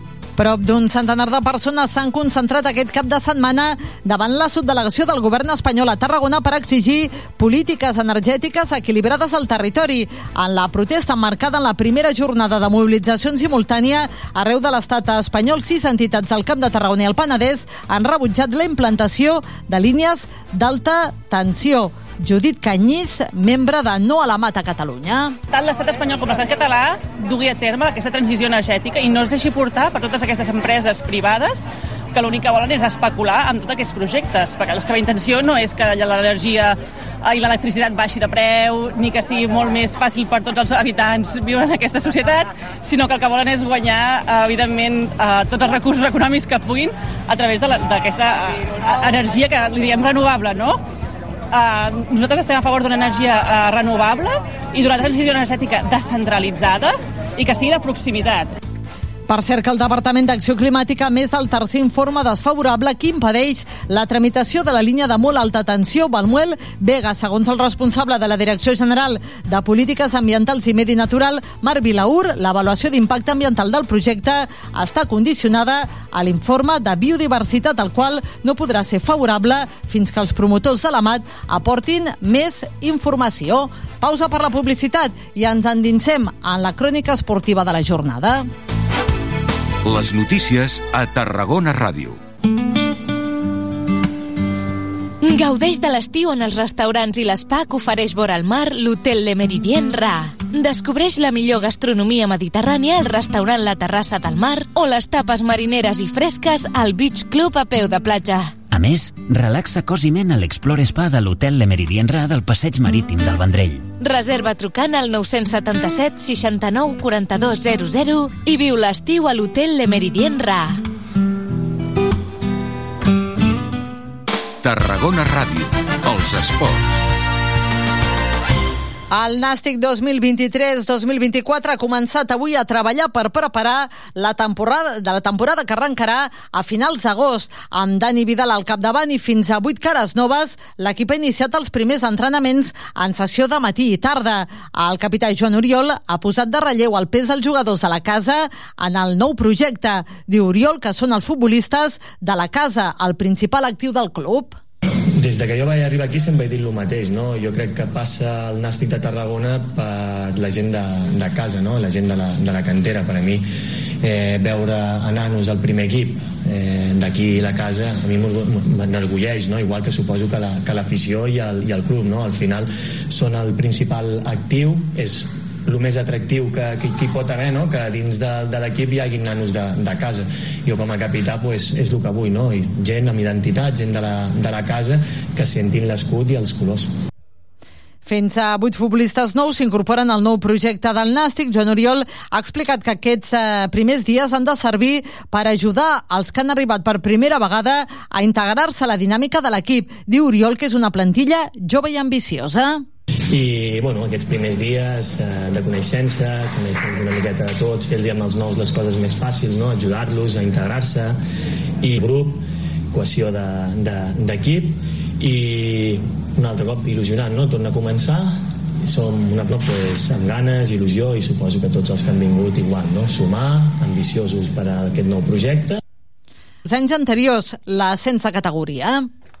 Sí, a veure, han fet un, un equip amb bons futbolistes, el mateix objectiu que els altres, que els altres anys. Eh, com t'he dit abans, hi ha moltes cares noves dels altres anys, no? L'equip gran ha oficialitzat vuit incorporacions i nou sortides des que va acabar l'aments són Robert Simón i Andrei Lupo, que van patir lesions greus al tram final de la temporada passada i que s'ha convertit en el vuitè fitxatge del Nàstic de Tarragona. Amb 28 anys, el Sevilla arriba del Mèrida, que ha ascendit a primera fa de marcar un total de 4 gols la temporada anterior. I acaba de fer oficial el Nàstic de Tarragona que xeca entre les parts. El meta queda lliure de qualsevol dret i obligació amb el club, donant per finalitzada els aficionats tarragonins al tennis celebren l'impuls que ha donat la trajectòria de Carlos Alcaraz aquest